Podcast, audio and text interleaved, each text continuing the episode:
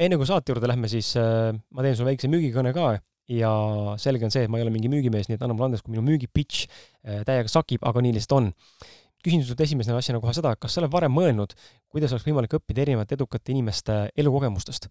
Äh, kui jah, siis raamat Kontaktis endaga sedasama asja sul tegelikult teha aitabki. eelmisel aastal, eelmise aasta lõpus ilmus meil Million Mindset kirjastusega koos raamat Kontaktis endaga. niimoodi kõlas see raamatulehtede lappamine see on mul praegu siin käes, hea raamat.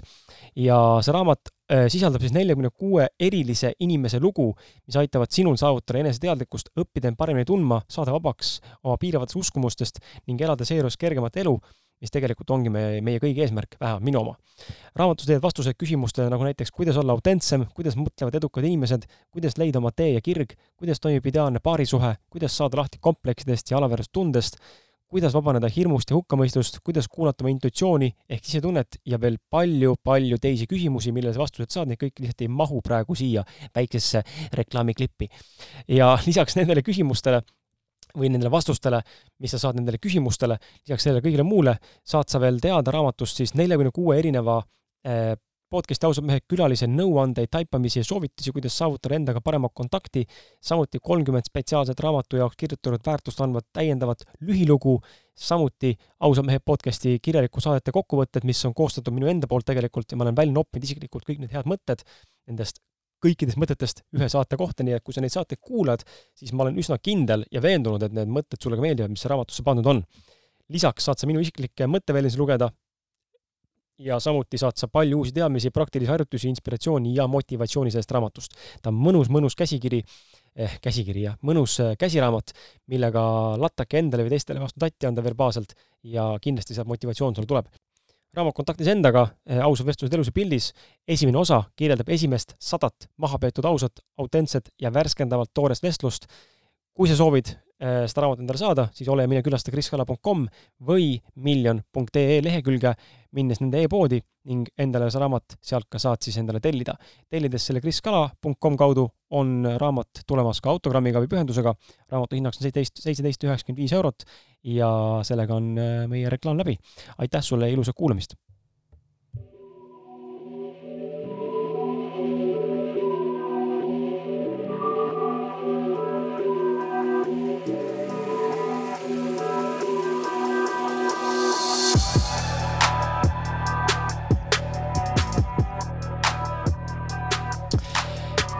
Ja, ja, ja nii see on. olen jälle siin uue saatega, seekord ei tervita sind klassikaliselt, vaid üritan midagi teistsugust välja mõelda, mis muutub iga korraga üha raskemaks ja jaburamaks ja absurdsemaks. aga kuidagi peab ju hoidma värskust ka ja, ja kui ei suuda, siis noh, ega vahet pole, sa kuulad ikka ehm,. tšau. uus saade on käes, episoodi numbrit ei tea, ei mäleta, ei oska enam peast öelda, ma olen nii palju ette salvestanud, et mul on juba sassis ehm,. mis põnevat vahepeal toimunud on? täna on meil külalisega saade, sinna kohe jõuame ka katsun sinu väärtuslikku aega mitte väga palju raisata ja samuti siis ka lugupidamisega külalise vastu, et ma tema aega väga palju raiskaks. nii et äh, mõned nipet-näpet, kiired asjad käime üle. Äh, ma saan sulle täna välja öelda sellise huvitava uudise, alguses muidugi kõlas klassikaliselt raamatu müük. ma loodan, et see oli piisavalt normaalne sinu jaoks ja sa lähed ja ostad endale see raamatu vähemalt kaks. ja kui ei, siis ma jätkan lihtsalt selle pommitamist, aga meil on tulemas äh, midagi põnevat, ausad meeste äh, webinar, webinari sari, äh, mis oli eelmise aasta lõpus siis Kontaktis endaga nimeline, toimus meil ära, see oli väga suure ulatusega ja väga-väga palju inimesi võttis osa ja väga paljudele inimestele meeldis see, siis nüüd olen otsustanud teha ka teise, selleks teemaks on siis rahast lage.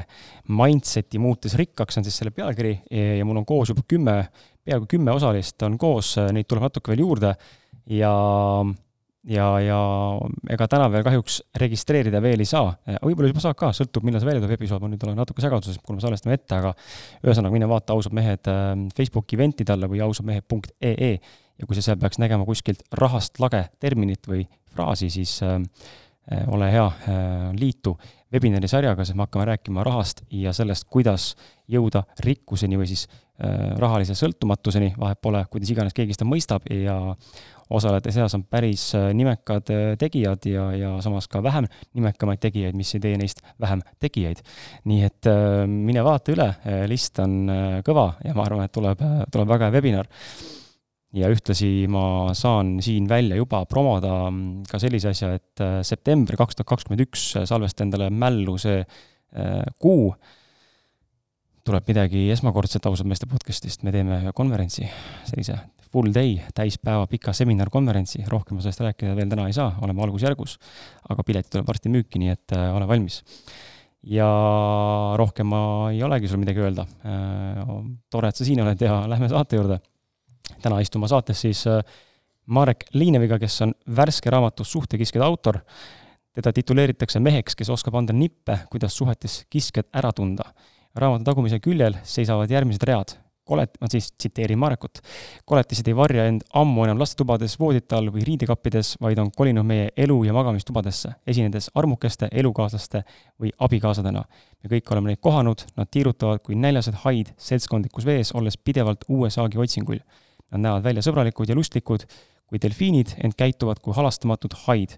Marek ise ütleb, et talle on antud üks kingitus, millega kaasneb suur, suur ja isegi väga suur ja väga suur vastutus.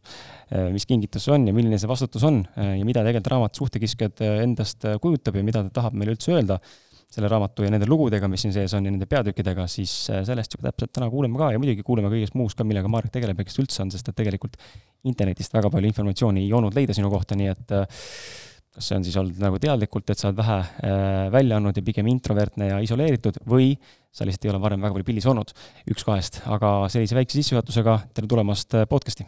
tere, tere! kumb see on siis, kas äh, oled isoleeritud ja introvertne või pigem oled äh, inimene, kes alles nüüd on avaliku elu hoogu kogumas? kindlasti kõike seda kokku. kokku, mõlemat ikka? ikka, no mõlemat kolme vist, kui just, et äh, eks ma olen lihtsalt selline, kes äh, üritab ennast äh, läbi saavutuste näidata. Ja, ja nüüd on lihtsalt selleks ilmselt siis kas äh, kas võimalus tekkinud, kindlasti soov, kindlasti julgus, mis varem puudus, nüüd on see käes. Mehed hakkavadki neljakümne aastaselt ärkama, et äh, ilmselt on see aeg minu jaoks siis õigelt kätte jõudnud. jah, nii nad, nii nad taas kipuvad rääkima jah, et seal tulevad need muutused neljakümnendates, viiekümnendates. võivad ka tulla varem, aga üldjuhul vist tulevad no, hiljem. siis sa hakkad mõistma, et ja. elu hakkab lõppema ja kuskile tuleb kiirustada mingi hetkel ähm,. see raamat äh, ma pean seda raamatu, äh, esmalt pean kiitma raamatu kaanekujundust. Mulle väga meeldib see, kuulaja, äh, sa küll seda praegu ei näe, aga ole hea, mine vaata siis samal ajal, kui sa nüüd kuulad siin, võta lahti Google ja kirjuta sinna siis suhtekiskjad raamat ja sul tuleb siis Apollo või Rahva Raamatu või mis iganes ähm, link sealt üles, tee see lahti ja ja sa näed siis ka kaanekujundust ja saad siin koos vaadata, et minu arust päris huvitav, huvitav kombo leitud, et siin on lõvi, nagu ma aru saan, siin on ähm, tiiger. ai, tiiger, aga mis siin üleval, väike tükike, see on ka tiigri oma või? see on tegelikult noh, natukene ebaõnnestunud küll äh, vist välja, aga see on peegli osa. Aa ah,, okei okay., ja seda küll, aga mõtlen, et keda ta siin, mis looma see siin kujutama peaks siis? see ongi peegel lihtsalt, moraalne okay. peegel. okei okay,, ma mõtlesin, see on mingi mingi kolmas loom juba. ei, ei, see on okay. nüüd erinevate nurkade alt lihtsalt see. okei okay,, arusaadav, ja see on sinu enda, sinu enda nägu, ma eeldatavasti? Äh, jah, seal on minu enda nägu. kust selline idee ja miks, miks selline kaanekujundus? esiteks äh, no selle illustraatori autor on meil ka siin kõrval uh, -huh. ja ma ise tahtsin küll natuke teistsugust äh, kaanekujundust, aga siiski. ah, sur-, sur-, suruti läbi no tegelikult ma võin sellega rahul olla, selles suhtes, et mõte oligi tegelikult pool inimene ja pool loom, sest, sest raamatus on ka ju tegelikult viidatud selle looma ja loomariigi seoste ja inimliigi mm, -hmm. inimlooma seostele. aga kui sa nüüd küsid, mis see kontseptsioon on, siis tegelikult meis kõigis on natukene seda kiskjat ja, ja noh, kui nüüd küsitakse, et vaadatakse pilti, et kas, kas sina oled kiskja, no jah, ma olen ka kindlasti, mingil määral, me kõik oleme, siin ei ole, see kõik sõltub olukorrast, see kõik sõltub äh, situatsioonist, millest iganes mm. -hmm. Aga lähme siis äh, kohe seesama teemaga edasi spontaanselt, mis see defineeri siis kiskja, mida see nagu tähendab, et me siin ei räägi nüüd puhtalt sellest, et meil on predaator, mingi loom, kes siis jahib antiloope ja muid taimetoitlasid või muid nii-öelda äh, liha söövad loomi siis, aga et just nimelt, mis see kiskja siis sinu olemuselt nagu tähendab, mida see, mida see nagu esindab siis täna siin raamatus ja sinu enda maailmavaates? aga nagu sa ütlesidki, ta ongi, et äh, kedagi jahtida. ja kuna nüüd on tegelikult jutt ju inimestest, siis, siis mida nad ikka jahivad? Et meil, meil puudub praegu vajadus ütleme nüüd siis kuskile loodusse minna ja jahtima minna, me saame minna poodi ja kõik vajalikku kätte saada, et et asjad, mis me tegelikult on raske kätte saada, on, on, on just äh, nii-öelda võim äh, inimeste üle. Ja, ja, ja siis äh, jah, kuidas nüüd öeldagi, et äh, inimese parem söök on muidugi teine inimene või eestlase parem söök on teine eestlane, eks ju, nagu öeldakse, et aga miks see on niimoodi? ma olen, äh, ma olen ka mõelnud selle peale, et see on nagu Sest... natuke niisugune, mulle tundub äh, selline, võib-olla vale öelda, aga väärastunud nagu maailmavaade või nagu mõtlemine või suund, et ma ise nagu ei toeta väga seda kiskelikku eluviisi ja mulle nagu ei mahu mingil määral pähe tänases nooruses või olemuses, et äh, miks ei võiks olla ühiskond selles mõttes kokkuhoidev ja selline vennaskondlik ja üksteist armastav? Inimsuhted ongi tegelikult meie ressursside allikad ju, me saame ju inimsuhetest midagi, me saame armastust, me saame tuge, me saame raha, me töötame kellegi alluvuses. meil on vaja inimesi, et ära elada, eks ju, me ei ela üksinda, isoleerituses kuskil kuu peal. ja, ja osavalt äh, neid suhteid ära kasutades tegelikult me lööme päris hästi ju läbi, sest inimese tundmise oskus garanteerib selle, et meil on parem äh, rahulolu oma eluga, paremad majanduslikud garantiid, kõik see, mis, mis teeb elu mõnusaks, on läbi inimsuhete, et kui võtame need inimesed sealt ära, siis, siis me ei suhestu asjadega, mis meil siis jääb, eks ju, me jääme ainult iseendale. aga kui meil on teised inimesed juures, siis, siis me saame alati neid ära kasutada. me saame nende oskusi ära kasutada, mida, mida võib-olla endal ei ole, eks ju, ja, ja enda kasuks ära kasutada ja võib-olla ka tema, tema enda kasuks nii-öelda, kes, kes, keda me nii-öelda ära kasutame, eks ju, et inimsuhted on, on äärmiselt vajalikud kanalid, kust me saame midagi ja, ja samas on nad ka kõige suuremad frustratsiooniallikad mm. -hmm ja see ärakasutamise termin, ma lisaks omalt poolt siia juurde, et ma e eeldan praegu, et sa oled minuga nõus, et see ei tähenda alati noh, nii-öelda siis ma kasutan sind mm, -hmm. Marek, ära, sul on nüüd sitasti ja mul on hästi, vaid see vastupidi, võib-olla üksteist ka toetab, on ju. jaa, see on absoluutselt, ma kasutan sinu oskust podcast'i äh, luua ära, et oma raamatut nii-öelda promoda või oma ideed promoda, noh, täpselt mm, -hmm. me, me, käsi peseb kätt on praegu. mina kasutan sinu eneseväljendust ja tänast raamatut, et sisu luua endale, põhimõtteliselt sama see teema. just, just mm, -hmm. et, et noh, sa ei saaks lihtsalt istuda siin ja mõelda, et oh, ma räägin nüüd oma autost, eks ju mm -hmm., ja mhm. kellele sa räägid, teistele autodele ikkagi inimestele. nõus enne kui me selle raamatu juurde veel rohkem äh, sisse süüvime sinna, siis ähm, vii, äh, lähme selle siia korra selle klassikalise küsimuse juurde ka, et äh, kuulaja üldse saaks aru, mis mees sa oled, sest sissejuhatus väga midagi ei öelnud. kes sa oled, mis sa teed, kust sa tulnud oled, ma ei tea, alusta sealt, kus sa tahad, kui sa oled varasemalt meie, meie saadet äkki kuulanud või, või korraks sirvinud kas või enne eetrit, siis see on selline klassikaline küsimus ja ja igaüks vastab sellele nagu tõesti noh, sealt, kust iganes tahab, mõni räägib tund aega oma lugu ja ma ei jõua üldse küsimusteni no, teine räägib ühe minutiga ära oma loo, on ju, et äh, hakka sealt, kus sa tahad pihta ja tule kuidagi tänasesse päeva. just, ega see ongi selline keeruline teema, et kui sa annad mikrofoni kätte, siis inimene räägibki, sest inimestele meeldib iseendast rääkida, see on ju tavaline asi. aga kui sa nüüd niimoodi küsid, kes ma olen, siis ma tegelikult tõmban mingi piiri enda nii-öelda arenguprotsessi vahele, noh, nagu sa aru saad, et nagu ma ütlesin juba, et neljakümneselt hakkab nii-öelda mehed ellu ja no naised ka samamoodi. et äh, mingi hetk ma tegin siis enda jaoks nii-öelda sellise teadliku otsuse, et nüüd, nüüd aitab sellest, mis varem on. nüüd tuleb tegelikult jälgida seda, järgida seda unistust, mille järgi on kunagi, kunagi käidud, sest noh, ma mäletan, see tundub nii, nii odav väljend, aga kolmanda klassi kirjandises äh,, kirjand, kirjandis ma kirjutasin, et ma tahan saada kirjanikuks, noh, ja tegelikult ongi nii, et mil, mis äh, mis unistused sul lapsena on, need, need kinnistuvad ka, ka hilisemas elus ja, ja sa pead oskama neid rakendada, sest sest kui sa lapsepõlves oled nii-öelda loonud endale selle, selle pinna kuskil mingiks arenguks ja, ja, ja kindlasti ka alateadlikult selle nimel nii-öelda töötanud, et seda arendada, siis, siis on see kõige parem viis ära kasutada täiskasvanuna. ja, ja ühel hetkel siis minu jaoks jõudis selline, selline aeg kätte, kus ma otsustasin, et nüüd tuleb ära kasutada seda, mis on veel järele jäänud ja seda tuleb te-, teadlikult ära kasutada, metoodiliselt. ja see metoodika vili ongi siis nüüd esialgu siin, esimene vili nii-öelda mm, -hmm. aga ma loodan, see ei ole nüüd kõik. jätan veel edasi. tõmba mikrit korra natuke pööra allapoole. Nonii. isegi suts, suts veel, sama palju suts, jah, voh, nii on väga hea et see pole esimene vili, mis siit sinu sulest või sinu mõistusest või, või mõttemajast tuli ja no pigem ta on esimene, aga ta noh, ta ei jää esimeseks selles mõttes, jah? jah, ta ei jää tõesti viimaseks, jah, esimeseks ta ei jää, või ta ei jää viimaseks. jah ja,, just, just, just. esimeseks ta jääb, ta ei jää viimaseks. esimeseks ta ei jää esimeseks ka, vaata, me saame minna siis aja, aja rändama, et kirjutame selle preek- no,, prequel'i nii-öelda. jaa, selles suhtes, et tegelikult on ju loomingut kirjutatud sahtlisse varemgi, nagu ikka nii, et on nii-öelda autorid on teinud, eks, et kuskilt, kuskilt on ju ikka neid ju kujunenud, et ei ole sellist asja, et nullist, nullist inimene tuleb kuskilt, et ta on ikkagi midagi varem teinud ja, ja enda jaoks olen ma sahtlisse kirjutanud, nagu ilmselt paljud teisedki autorid, eks ju.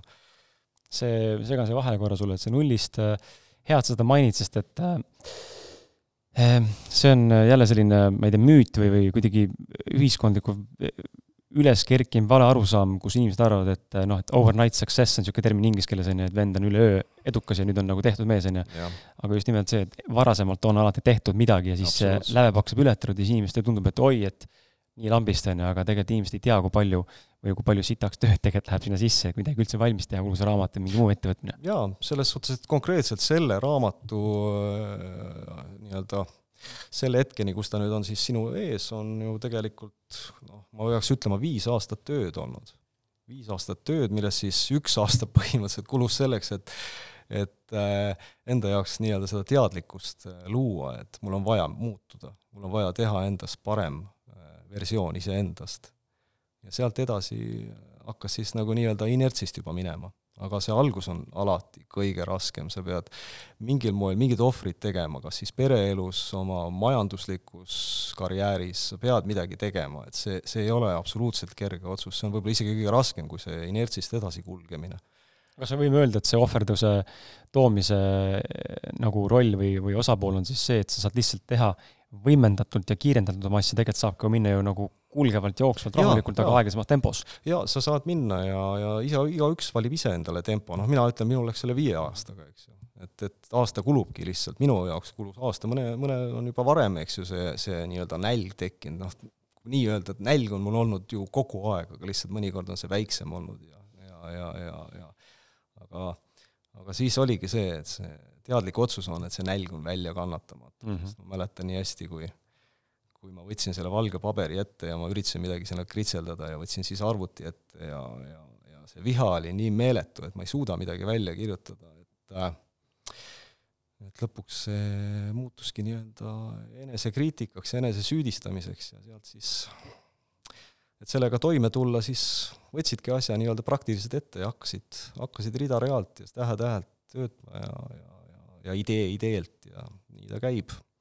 Et jaa, see ei ole kerge protsess, see on, see on raske, see on, ja eriti raske on see veel selles eas, noh, ütleme seal mingi pärast kolmkümmend, nelikümmend, kus sul tegelikult elu on paigas, maru lihtne on seda otsust teha ju kahekümneselt, üheksateistkümneselt, kui kui elu on veel ees, eks ju, et sul pole veel kindlaid nii-öelda kindlaid sihte ja kindlaid kohustusi, võib-olla ei ole last, ei ole, ei ole, ei ole elukaaslast ja mida iganes, sul on nagu vaba valik ise teha, et et siis, kui sul on nii-öelda teiste jaoks, noh, kui sa võtad juba tegelikult ka need, need ühiskondlikud normid, et, et, et enamik inimesi on juba kolmekümne, neljakümneselt valmis, eks ju, et noh, et siit, siit võiks juba öelda, et nende, nende põhikäik on juba käidud ja siis, siis korraga valid sina selle, et nüüd, nüüd on siis see õige hetk hakata muutuma, kui, kui teised on juba nagu stabiilsed, siis see on raske, see on raske, seda on raske enda jaoks mõistetavaks teha, seda on raske teiste jaoks mõistetavaks teha, aga aga, aga see ongi see nii-öelda aastapikkune töö, et endale teha selgeks, et see on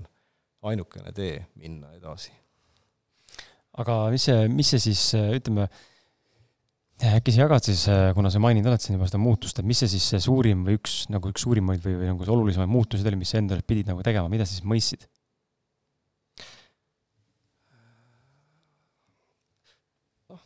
Sa võid seda nimetada ka, eks ju, keskea kriisiks või kuidas mhm. iganes, no jälle see neljakümnene teema tuleb üles, et et äh, see kaduv ja lõppevus, see hakkab nii ilmseks muutuma, et, et äh, su noorus kaob, sul ei ole enam seda energiat võib-olla, su, su keha hakkab alla vanduma, noh muidugi see, see, see, see on väga palju mõeldud juurde, eks ju mm -hmm., sest noh, selles vanuses ei juhtu tegelikult midagi, me oleme mõlemad tegelikult terved mehed, nagu näha, eks ju aga, aga lihtsalt see idee, et, et su aeg hakkab mingi aeg lõppema ja, ja praegu on ilmselt kõige parem aeg alustada. ja, ja, ja nii see on, selles suhtes, et ma ei oskagi nagu täpselt mingit äh, piirjoont tõmmata, mis, mis on üks põhjus mingiks muutuseks ja mis see tähendab ja aga, aga see on, see on protsess, muutus on protsess. hakkab katus sõitma, tekivad eksistentsiaalsed mõtted äh,. jaa, eksistentsiaalsed mõtted, täpselt mm, -hmm. jaa, sest noh, mis sul enam üle jääb? Sa viid ennast lihtsalt sellesse punkti, kus, kus ees on kuristik, selja taga on kuristik, nüüd sa pead kuidagi selle ületama. kas sa kujutad ette seda nüüd, et äh, kahekümnendates olevatel meestel on sama tunne peal vahepeal? jaa, absoluutselt. täitsa rõve tunne? jaa, on, on. sest noh, seal ei ole ju veel mingeid kindlaid eesmärke sul loodud, eks ju, sul pole veel midagi selja tagagi, aga samas sul on ikkagi vabadus tegutseda mm. -hmm. et äh, põhimõtteliselt tee, mis tahad, ole see, kes tahad ja, ja, ja kõik tunnustavad seda, sest sa oled noor ja tegus ja täkku täis ja ja nii ta on aga mm, mis veel endast äh, raamatust äh, erinevalt, mis sa veel teinud elus oled või mis sa tahaksid nagu märkimisväärselt välja tuua, et kes sa nagu oled või kuidas sa ennast äh, si-, noh, sildistada on küll tobe, aga kuidas sa ennast kirjeldaksid või iseloomustaksid? tead, päris ausalt öelda, ma olen mõelnud selle peale ja ma, ja ma tegelikult äh, nii-öelda teadvustaksingi ennast äh, läbi selle muutuse, et see, mis mm -hmm. ma kunagi olin, eks ju, see on, see on nii-öelda minu endine elu, eks ju, et, et ma ei arva, et ma olen teinud midagi, midagi väga hästi seal või midagi väga halvasti, eks ju, noh, kindlasti oli see kõik vajalik selleks, kus ma praegu olen, aga, aga äh, ütleme nii, et noh, minu jaoks ongi raske praegu öelda, sest ma ei ole tegelikult keegi praegu ju mm, -hmm. nagu sa ise ütlesid, kuskil mind näha ei ole, kirjanikuks ma võib-olla ennast võib-olla ei saagi veel pidada, vaatame, kus raamat müüb, bestsellerist on, on jutt praegu väga kaugel, eks ju, tuleb võib-olla teine raamat, siis ma võib-olla saan ennast nii-öelda kirjanikuna nimetada, et ma tegelikult äh, ütleksin enda kohta, et ma olen nagu loomisjärgus äh, isik, et äh, et ma ei ole praegu hetkel veel kuskil, ma tean, kuhu ma tahan jõuda, kui ma jõuan sinna, siis ma saan ennast kirjeldada, jaa, nüüd ma olen, nüüd ma olen see mees, eks ju, kes on midagi sellist teinud ja kellel on sellised eesmärgid, aga aga jah, see minevik nii-öelda ei lase lahti, sest see minevik ongi, et mitte keegi. see, kas sa tead seda, et kuskilt on, ma ei tea, kas see on nüüd Eesti Kirjanduse Liidus poolt välja antud reegel, aga, aga kuskilt on mul meelde jäänud, et kui kolme raamatut pole ilmunud, siis ennast kirjanikuks nimetada ei tohi. et ähm, oh. noh, nii, nii-öelda, on ju. ei, ma, jaa, ma tean seda, noh, ütelda võib kõike aga ma tahangi selle juurde tulla seda, et äh, isegi kui noh, mul täna ilmus kolmas raamat, kolmas oli mitte küll ainult minu enda sulest, aga pigem nagu podcast'i põhine, niisugune nagu kollektsioon erinevate autorite no, poolt. siiski sinu nimega. siis äh, ma endiselt kümme aastat hiljem, kui ma vaatan enda teekonda kirjanikuna, ei tunne, et ma saada, saaksin öelda, ma olen kirjanik, sest minu jaoks on see nii kuidagi, see nagu, mulle tundub, et see sõna kirjanik ja mingid veel ametid või sellised äh, sildid käivad, jäävad sinna nagu mingisugusesse Tammsaare ajastusse või aega nagu, et need ei sobi enam tänapäeval inimestele öelda ühe sildiga, et vot see vend on nüüd podcaster või see on kirjanik või see on mingi skulptor või see on mehaanik ja need inimesed teevad nii palju asju iga päev, erinevaid asju ja täna tundubki, et igaüks võiks siin, või no tegelikult tundubki, et kõik teevad raamatuid, kõik teevad podcast'i, kõik teevad kuradi videosid, kõik teevad koolitusi, kõik on mingid mentorid, et kõik teevad kõike, on ju, et see ühiskond on nagu nii multitasking'u peale selles mõttes ja nii nagu suuremahuliseks, et enam ei saagi öelda, et üks vend teeb ainult ühte asja. tead, jah, see, see sildistamine, kolme raamatu võtmine nii-öelda mingiks, kuidas ma siis ütlen, mingiks piirjooneks, eks ju, et siit edasi oled sa kirjanik, see on tegelikult noh, ei taha halvasti öelda. kokku lepitud jama. see on, see on tegelikult küll, sest, sest mis see tähendab, kirjanik, eks ju, et see tegelikult tähendab seda, et sa metoodiliselt katsetad, üritad luua teksti, mis on kaasahaarav, millel on loogiline järjestus äh,, ja et sa tegelikult võtadki ennast kui kirjanikuna, et ma, ma hakkan kirjutama. ma ei tee midagi muud, see on minu enamik, enamik minu ajast võtab kirjutamine, ma hommikul ärkan ülesse, hakkan kirjutama, võtan arvuti lahti, hakkan kirjutama, vahet ei ole, kas mul tulebki sealt mõni sõna välja, aga ma teen seda iga päev. ja, ja ma pean ennast kirjanikuks see on, see on tegelikult äh, see, mis peaks nagu eristama neid tavalisi, noh, kes, kes, kes annavad välja ütleme, kirjandeid või siis, või siis blogiraamatuid nii-öelda, mis võikski tegelikult internetti jääda, aga noh, ma ei taha, ma ei taha ka nüüd nii-öelda üldistada ja, ja üleolev olla, aga aga jah, see tähendab seda, et sa, sa kirjutad hommikul, pead ennast kirjanikuks, kui tööpäev on lõppenud kirjutamisena, ütleme, sul on lihtsalt see vaim juba otsa saanud, siis sa võtad teised raamatud ette, loed neid, õpid nendest ja, ja tegeledki sihikindlalt selle eesmärgiga, et äh, kirjakunsti kaunistada mm. -hmm. ütleme nii, et sa pead ennast kirjakunstnikuks. et see on, see on suur vahe sellest, mida sa me võime paljugi kirjutada, eks ju, me võime sahtlisse kirjutada, mõnele meeldib see teema ja siis ta avaldab ära ja siis saab öelda, et oh, paneme selle nüüd sildi külge, et see on raamat, eks ju. noh, tegelikult võib selle ju panna ka oma blogisse, Instagrami mingi oma mõtted ja, ja, ja, ja sellised mõttelõngad, aga, aga kas see teeb nagu inimest kirjanikuks, ta võib teha kas või kümme raamatut samasugust, aga see ei tee teda kirjanikuks. ehk siis siinkohal võime tõmmata eh, või noh, tuua uue, eh, mitte uue, aga selles mõttes kõrvale terminid, üks on kirjanik, teine on lihtsalt kirjutaja. piltlikult öeldes. jah, jah, kui sa nii tahad öelda, jah, noh, kirjutaja, kirjutab, me kõik kirjutame ju, kirjutame oma Facebooki äh, lehele ja Instagrami kontole ja kõik kirjutame, me oskame ju kirjutada, sest, sest see ei ole, see ei ole ju nii keeruline, oma mõtete kirja panemine ei ole ju nii keeruline nagu matemaatika ülesande lahendamine. mõne jaoks võib-olla isegi on, on ju. jaa, mõne jaoks, aga enamiku jaoks on kindlasti ja. kirjutamine lihtsam kui matemaatika lahendamine. et, äh, et jah, ütleme nii, et äh, kirjutamine on lihtne. kui sul on mingi mõte ja, ja selle järgi on huvi, siis, siis, siis sa saad kirjutada kas, kas see väärib nagu raamatus, raamatuks nimetamist, see on iseasi ehm,. võtame selle, kui me enne rääkisime lihtsalt kiskjatest, siis äh, lähme konkreetselt selle raamatu pealkirja juurde ja räägime raamatust endast ka nüüd siis ja, ja sa oled äh, toonud selle termini suhtekiskjad, et äh, kes on suhtekiskja, mis teda iseloomustab, kuidas kuulaja ennast nüüd ära tunneb? no raamatust olen ma tegelikult päris kolm versiooni kirjutanud ja siis ma olen katsetanud neid erinevaid pealkirju, see tundus minu jaoks olevat kõige, kõige atraktiivsem juba sellepärast, et seal on nagu kaks sellist, sellist väga tuntud sõna, mis on, üks on suhe ja teine on kisk ja üks, üks tekitab nagu sellist äh, uudishimu ja teine siis tekitab kergelt sellist hirmu või tähelepanu, eks ju, ja kui ma need kaks asja kokku panen, siis, siis tegelikult on ta nüüd äh, lihtsalt nagu populaarsuse võitmise mõttes, aga tegelikult ta ju on äh, on ju täpselt äh,, kirjeldabki seda, kellest, kellest äh, juttu on, see on siis äh, inimtüüp, kes otsib äh,, otsib äh, inimsuhtlusest äh, oma kasu. noh, nagu sina ütlesid praegu enne, et et me oleme, praegu on nii-öelda käsi peseb kätt, meie suhe, aga kui see, kui sina kasutaks praegu mind sajaprotsendiliselt ära, eks ju, siis siis ma saaksin öelda, et jah, sa oled suhtekiskja, see ei ole ainult termin äh, kuskil äh,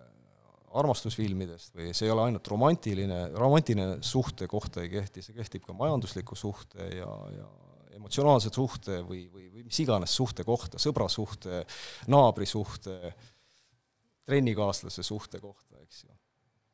et see on pigem selline inimene, kes võtab, aga ei anna vastu. ja kas ta teeb seda nimelt, kas ta teeb seda teadlikult, see ei olegi nii tähtis, lihtsalt see, see protsess, kuidas ta äh, kuidas ta teisi kaasinimesi ära kasutab, teeb teda nii-öelda kiskjaks. sest, sest juhtub niimoodi, et me tegelikult ju noh, nagu ma ütlesin, et me teatud situatsioonides saame võib-olla suhtest rohkem, kui saab teine inimene. see ei tee meid automaatselt suhtekiskjaks, võib-olla ma tänane päev olengi selline morn ja ootan, et kõik mind lohutavad ja, ja, ja ei kavatse neile vastu anda midagi, aga see ei tee mind. selline üks ainus episood ei tee mind selleks keda nimetatakse nii-öelda suhtekiskjaks mm. -hmm. Tekib kohe nagu see küsimus siit äh, sissejuhatust meenutades ja ma või, võin ainult oletada, et ka kuulajal võis äh, see küsimus tekkida, et äh, mis hea, heas mõttes provokatiivselt, mis annab õiguse sulle nii-öelda ennast tituleerida siis meheks või, või kellest, kes oskab nagu rääkida suhetest ja julgeb neid asju nagu rääkida, et noh, mitte nagu, et öelda, et sa nüüd ei võiks, aga just nimelt, et kuidas sa seda siis äh, nii-öelda, sõna õigustama on ka vale, aga mis on see põhjus, miks sa saad endale täna niimoodi öelda, et sa oled võimeline nendel teemadel rääkima või sa tead, millest sa räägid äh, no,? mis on see dünaamika seal taga? tiitlitega on ikka nii, et keegi paneb need mm, -hmm. see ei pruugi ju ise panna, tavaliselt ega ise ei panegi mm, -hmm. keegi teine paneb ju.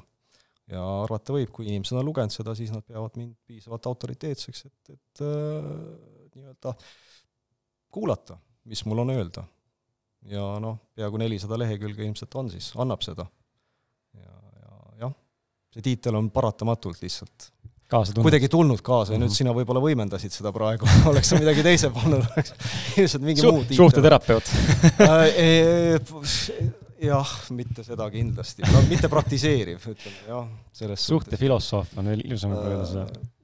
jah, suhtefilosoof teatud teemadel, eks ju, väärsuhete teemadel aga jaga meile siis, äh, mulle ja kuulajatele, millised on sinu enda suhted nagu siiani olnud ja, ja räägi mm, noh, miks, miks nagu just see valdkond, sa oleks võinud ükskõik kus kohas lõpetada, eks ole, oma eluga või, või ükskõik millest raamatu kirjutada, miks just see? et äh, milline on sinu kogemus täna inimsuhetes äh, äh, siiamaani olnud ja ja kui sa äkki oskad tuua paar head taipamist, mis elu on sulle õpetanud või mida suhted on õpetanud sulle ähm, terve selle aja jooksul kuni siis tänase raamatuni äh,, oleks äh, jube kihvt oleks küll, eks ju. vot, see on midagi uut. no näed siis. jah, lennukid lendavad korra mööda. täitsa, täitsa normaalne vist. no ma loodan, see ei ole minuga seotud. jah loodame. okei okay. äh,. miks, miks, miks, miks inimesed kirjutavad, miks inimesed räägivad asjadest? loomulikult sellepärast, et see põletab neil sees, eks ju. see, see on huvi, mis, mis sunnib inimesi äh, mingil teemal arenema ja mingil teemal rääkima ja mingil tee-, teemal huvituma. aga kui sa niimoodi võtad, siis, siis ilmselt see on juba, see on ilmselt minu isikuomadus juba, et ma, ma otsin katkiseid asju ja ma üritan neid parandada.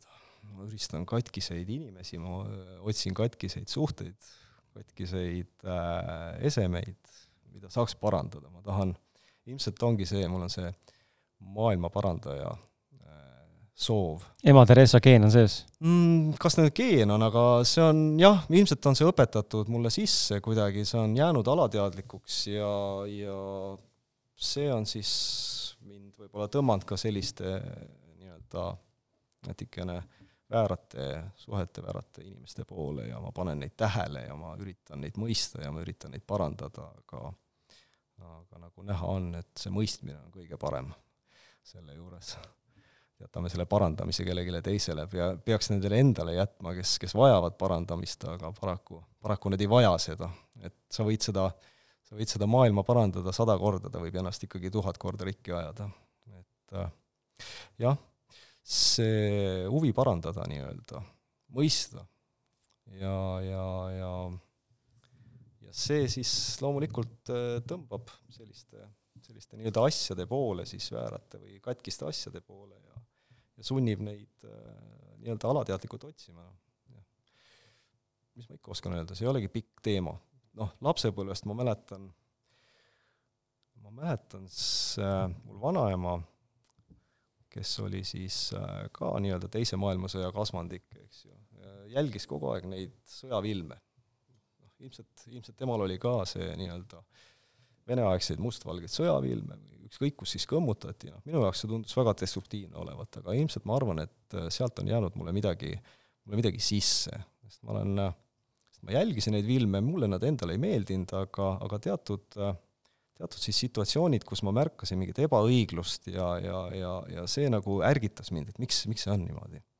miks äh, lähevad inimesed sirges reas äh, inimese sügavustesse kraavidesse ja miks nad lasevad ennast relvadega karpüksidel maha lasta, eks ju. et, et mis, mis on selle põhjus, miks, miks, miks inimene laseb endaga niimoodi teha, miks, miks ta, miks ta tapab ja miks ta laseb ennast tappa, et äh, mis on selles, mis on, mis, mis on selle fenomeni, mis on selle fenomeni põhjus, miks, miks, miks selliseid asju juhtub üldse? ja, ja sealt ongi see ebaõigluse teema, noh, see on lihtsalt üks, üks episood, mida ma mm -hmm. nagu mäletan teadlikult, ilmselt on neid palju olnud, aga aga sellised episoodid ongi nagu kujundanud minu seda, seda õiglusmeelt, et äh, miks äh, miks on keegi võimeline tegema teisele nii palju kurja ja, ja, ja miks, miks inimesed lasevad endale kurja teha? et see on nüüd üks, lihtsalt ongi jälle üks, üks episood minu, minu nii-öelda arενemisloost, kus ma, kus ma olen teadlikult selle ära taibanud, noh, aga, aga jah, otsida katkiseid asju, teha neid terveks nagu ikka maailma parandajad teevad. ja see raamat ongi enam-vähem tegelikult seda, et mitte küll otseselt äh, üritada parandada, aga, aga anda mõista kuidas oleks võimalik parandada, sest, sest iga muutus hakkab meist, algab meist iseendast. tahtsin just sedasama asja öelda ähm, juba enne vahele, kui sa mainisid seda, et ähm, ta on kahjuks või õnneks niimoodi, et kuidagi me, me arvame äh, mingi periood päris tugevalt ja päris pikalt, äh, et me saame teisi inimesi muuta ja aidata, aga tegelikult lõpptulemus on alati see, et me näeme ära tegelikult, et aidata saab ainult iseennast ja, ja kui inimene tegelikult ikkagi üldse ei ole vastu äh, võimeline võtma või ei taha võtta või mingi trots on ees äh, alateadlikult või teadlikult, siis sa võid talle ju kandikul ka need vastused ette tuua või nagu näidata seda teed nii-öelda nagu Jumal on ja siis ta tegelikult ikkagi ei näe või ei taha vaadata. no see on samamoodi, nagu sa annad äh, näljasele süüa või annad talle õnge kätte, et hakka nüüd ise tegutsema. Ma arvan, viimane versioon on, on igal juhul parem ka selle enda inimese jaoks ja see muudab kindlasti ühiskonda, näitab, et äh, on olemas teised teed, on olemas sellised motivatsioonipuhangud, eks ju, ja inspiratsioonipuhangud, millal inimene võtab kätte ja hakkab midagi paremini tegema ja hakkab enda ümber, hakkab enda sees maailma päästma, hakkab parandama ja hakkab enda ümber maailma parandama, et äh, jah, pigem on see, et õpetada inimesi ise ennast märkama ja, ja ennast parandama, ennast muutma mul on äh, tegelikult ääretult hea meel, et sa oled äh, selle suhteteema valinud, kuigi neid suhteteemalisi raamatuid, äh, noh, neid ikka, eks ole, turul on ja tuleb nagu murdu, jah. ja, ja neid ikka tuleb ja erinevatest nurkadest, küll aga sellise, sellise nagu väär, väärkohtlemise või väärsuhete poole pealt ei ole nagu minu meelest väga palju kirjutanud, muidugi ei ole väga palju lugenud ka, võib-olla eksida. Neid on tegelikult piisavalt, neid on tegelikult piisavalt, lihtsalt see on võib-olla natuke teise rakursi alt mm. -hmm. mis on, mille pärast see on sulle nii-öelda silma jäänud, see on mm -hmm see ongi nagu ütleme, sinusugustele tavalistele inimestele kirjutatud. et, et sa mõistaks ja, ja paneks seda tähele. et, et juba, juba läbi selle, et ma olen äh, muutnud selle teema nii-öelda tähelepandavaks, ma arvan, ma olen võitnud päris palju mm. -hmm. kui ma oleks, ma ei tea, mis iganes pannud sinna väärsuhte mustrid näiteks sellise pealkirja, siis, siis vaevalt sa oleks seda vaadanud, eks ju noh, suure tõenäosusega ma ei oleks seda ostnud no, siis. või üldse vaadanud selle poole. just, täpselt nii see ongi. selles suhtes, et äh, populaarteaduslikkust, populaarteadust kui sellist äh, mõneti nagu selles nii-öelda teaduslikus ringkondades naeruvääristatakse, alavääristatakse, aga tegelikult see paneb ju inimesed, äh, meelitab selle teaduse juurde ükskõik mis pidi. et sa võid seda, sa võid seda läbi lillede nagu meelitada inimest, sa võid, võid lihtsalt puhtalt faktidega, aga, aga fakt on see, et, või noh, fakt Äh, tõde on see, et ikkagi inimesi, inimestele meeldib äh, see ilustatud pilt ja nad, neile meeldivad mingid sümbolid mm -hmm. ja suhtekiskja on sümbol. ta on kindlasti parem sümbol kui väärkohtleja või, või ma ei tea, naisepeksja või noh. noh, sest inimene ei samastu sellega ise, ta ei tunnista endale võib-olla ja, ei võta vastutust selle eest. selles suhtes, et suhtekiskja kui selline on ju tegelikult nii laialivalguv termin, et noh, seda võiks tegelikult väga paljude kohta kasutada, et et see ei olegi nagu ma ei hakkagi ju ütlema, et seal on tõesti naisepeksja või füüsiline väärkohtleja või vaimne väärkohtleja, manipulaator, see on kõik kokku ju. et, et ühtepidi on see nagu kompott, see raamat. Aga noh, sa oled ise ilmselt lugenud, noh, mitte ilmselt. tule tsip, tsipa lähemale. et sa oledki seda ju või too mikker endale lauale siia ääre poole rohkem, siis sa võid nõjatada ka, kui tahad. ei ole hullu, küll ma üritan. minu jaoks esmakordne kogemus, ma harjutan ennast. väga hea, et äh, jaa, ma olen täitsa nõus sinuga ja ja, ja noh, korraks mainides seda esmakordset kogemust täna siin mikrofoni taga nii-öelda klappidega, nagu ma aru saan, siis sellises formaadis, et mm. äh, raadios käisid ka, ei käinud või? raadios ma ei ole käinud okay,. ei mõtlesin, ole kutsutud. okei okay,, no siis mis asja aga võite teha siin, seda. Äh, tuleb ära teha, on ju. no just, eks ju. et äh, see klappidega lihtsalt on äh,, äge on selle juures see, et äh, sa küll kuuled ennast vahetult, kui sa räägid ja alguses võib-olla see on natuke segav aga, aga see on selles mõttes hea, et minu meelest aitab tohutult palju äh, ennast kõrvalt nagu märgata, kui sa oled võimeline, see mingi hetk muutub ala, nagu automaatseks, hakkad ennast tõesti märkama, neid sõnu, kuidas sa kasutad oma diktsiooni, oma keelekasutust. et selles mõttes on see lihtsalt niisugune lisaväärtus, mis annab juurde. jah, õpikogemus. õpikogemus, jah uh mhm. -huh.. eneseanalüüsi tööriist niisugune väike. väga hea nii et äh, sul ei jää muud üle, kui siis äh, tulla ProGear'i meile siia äh, ettevõttesse siia alla poodi ja siis osta endale varustused ja hakata kodus salvestama enda raamatut ja siis ümber laskma kellelgi lihtsalt audio trükkida kirjaks, on ju. et siis ei pea kirjutama, saad salvestada. noh, näed, müügimees hakkas tööle kohe sinus ehm, aga räägi, ehm, räägi siis, hmm. ehm, inimesi huvitab väga, sest et mina ei saa, mina siinkohal astun võrrandist välja, sellepärast et mina täna ütlen, et äh, mul ei ole suhteprobleeme, pole kunagi olnud ja ma julgen arvata väga suure äh, rasvase rinaga, et mul ei teki ka neid. Ähm, sellepärast, et ma lihtsalt tean, et ma oma elukaaslasega täna vist kõiki teaduste kohaselt, ma arvan, ma jään ikkagi väga kaugeks kokku ähm, nagu me kõik loodame. noh, jah, loodame seda, aga, aga vaata seal, seal ikkagi on natuke teistsugune ka, et ma, ma arvan, et sa oled minuga nõus, et äh, nii kuulaja kui sina, Marek, et äh, elus on vahel äh, olukordi, kus sinus on mingisugune sisemine suurem teadlikkus ja teadmine, et see läheb, läheb niimoodi, kui sa midagi ise väga perse ei keera. kõik sõltub olukorrast. kõik võib muutuda. kõik võib muutuda. aga kõikide eelduste kohaselt ma loodaks, et see Jaa, ei muutu. kõige tähtsam on see, et sa tunned ennast hästi selles suhtes, see on kõige parem indikaator, et sa oled täitsa õigel teel sina ja sinu, sinu partner, aga pigem see, et sa ise tunned ennast hästi. absoluutselt. ja nüüd on küsimus inimestele, kes äh, selle suht-, suhete teemadega maadlevad, neid on täna väga palju, vahet pole, mis vanused nad on, mida inimesed suhetest tegelikult otsivad. ehk siis vastus inimesele, kes siis suhtesse astub ja oma partnerit vaatab, et mõista, mida partner otsib, ja samas inimene, kes siis meid kuulab täna, vaataks ka endale otsa siit pärast seda episoodi või pärast sinu vastust, mhm. mida ta ise tegelikult ootab, aga ta arvab, et ta ei oota. räägime nüüd romantilistest suhetest, eks ju?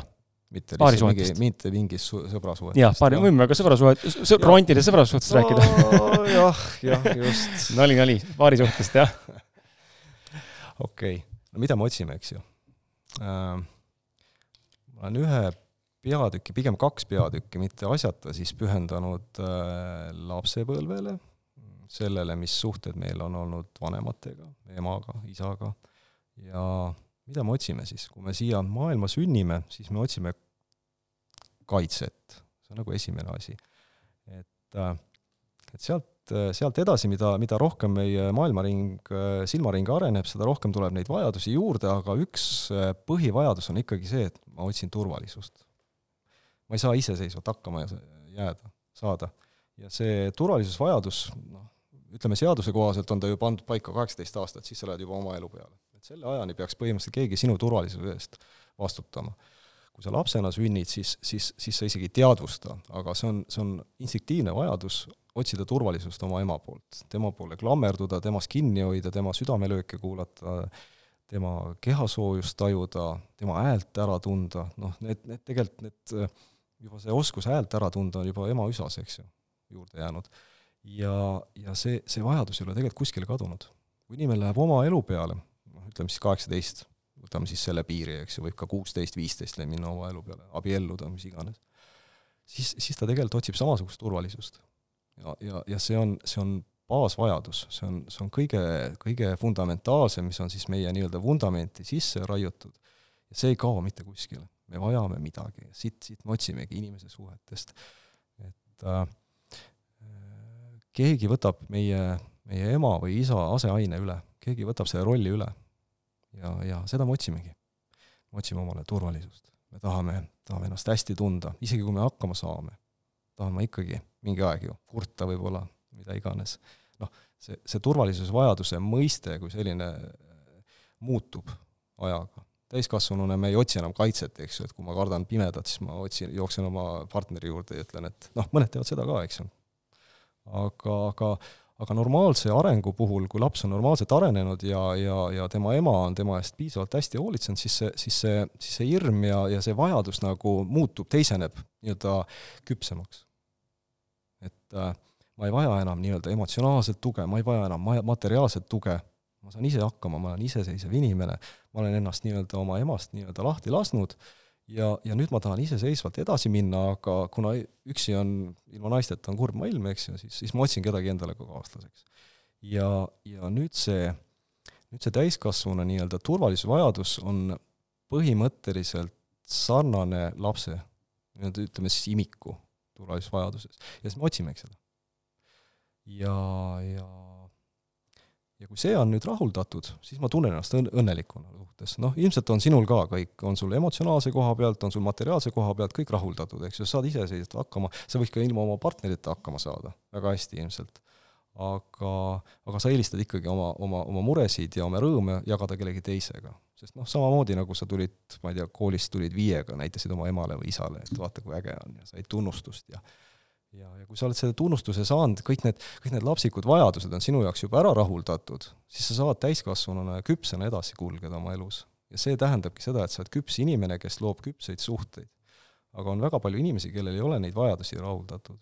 ei ole siis kas siis noh, erinevates eluetappides, ütleme, kas ei ole siis imikuiga või siis ei ole lasteaiaeal või, või ei ole koolieas, eks ju, ei ole rahuldatud teatud asju. sest, sest lastel tekivad erinevad eakohased vajadused, noh, imikuna on ta loomulikult toiduvajadus hästi, soojavajadus, et ta saaks ellu, eks ju. sealt edasi tuleb ju teised asjad. sealt tuleb juba, sealt tulevad juba nagu nii-öelda teadlikud vajadused. et ma tahan, tahan nagu, tahan nagu, et minu, minu, minu ema või minu isa mõistab mind. kui mul on mure, siis, siis ta saab aru ja kui need, ja kui ta, kui, kui inimene on kui inimene on need vajadused rahuldanud, ema-isa on täpselt talle pakkunud seda, mida ta vajas lapsena, siis ta suudab minna küpsena edasi aga nüüd minnes suhtekiskjate juurde, siis need inimesed on, on otseselt äh, need, kellel on mingi vajadus jäänud rahuldamata, kas siis, äh, kas siis füüsiline või, või, või emotsionaalne, tavaliselt emotsionaalne, sest noh, füüsiline tähendab siis toitu ja sooja ja aga ja, ja siis ta otsibki sama asja ta lihtsalt nüüd hakkab otsima, nüüd ta saab ise valida endale nii-öelda selle vanema aseaine ja nüüd ta hakkabki otsima inimest, kes, kes talle need nii-öelda lapsepõlve puudujäägi kompenseerib. ja, ja, ja siit tulebki see vajadus saada ja mitte anda, sest laps ei oska anda ju, laps oskab ainult võtta. ja, ja nende ebaküpsete täiskasvanute puhul on täpselt sama lugu. Nad oskavad võtta, nad ei oska anda lisaküsimusena juurde, kohe siia juurde, et siis nüüd oletame, kui noh, piltlikult öeldes, äh, piltlikult öeldes me oleme sinuga suhtes, sina oled see, kes tahab saada seda tähelepanu. kumb ma olen siis, mees või naine? noh, et äh, ütleme niimoodi, et äh, kesksoost mõlemad. hästi. Pole, pole sugu. et sina siis tahad saada tähelepanu. nüüd, kas minu töö ilmtingimata oleks tegelikult ideaalses maailmapildis ja ideaalses võrrandis, suhtevõrrandis märgata seda, et sinu areng on jäänud seisma, mingisugune asi on jäänud äh, Äh, täitmata, korvamata ja nüüd seda teadlikult sulle anda senikaua, kuni see saab täidetud, see anum, mis iganes X periood see on või X, iga, iga, iganes tegu see on, mis mahus see on mm. -hmm. või see tegelikult ikkagi on äh, iseenda isiklik vastutus mõista, et ma ei vaja teise inimese, teise partneri pidevat heakskiitu, tähelepanu, tunnustust, armastust. see võib olemas olla, aga see ei ole hädavajalik, et ma suudaksin eksisteerida, eksisteerida. jaa, ma saan iseseisvalt, see ongi see, et ma saan iseseisvalt hakkama.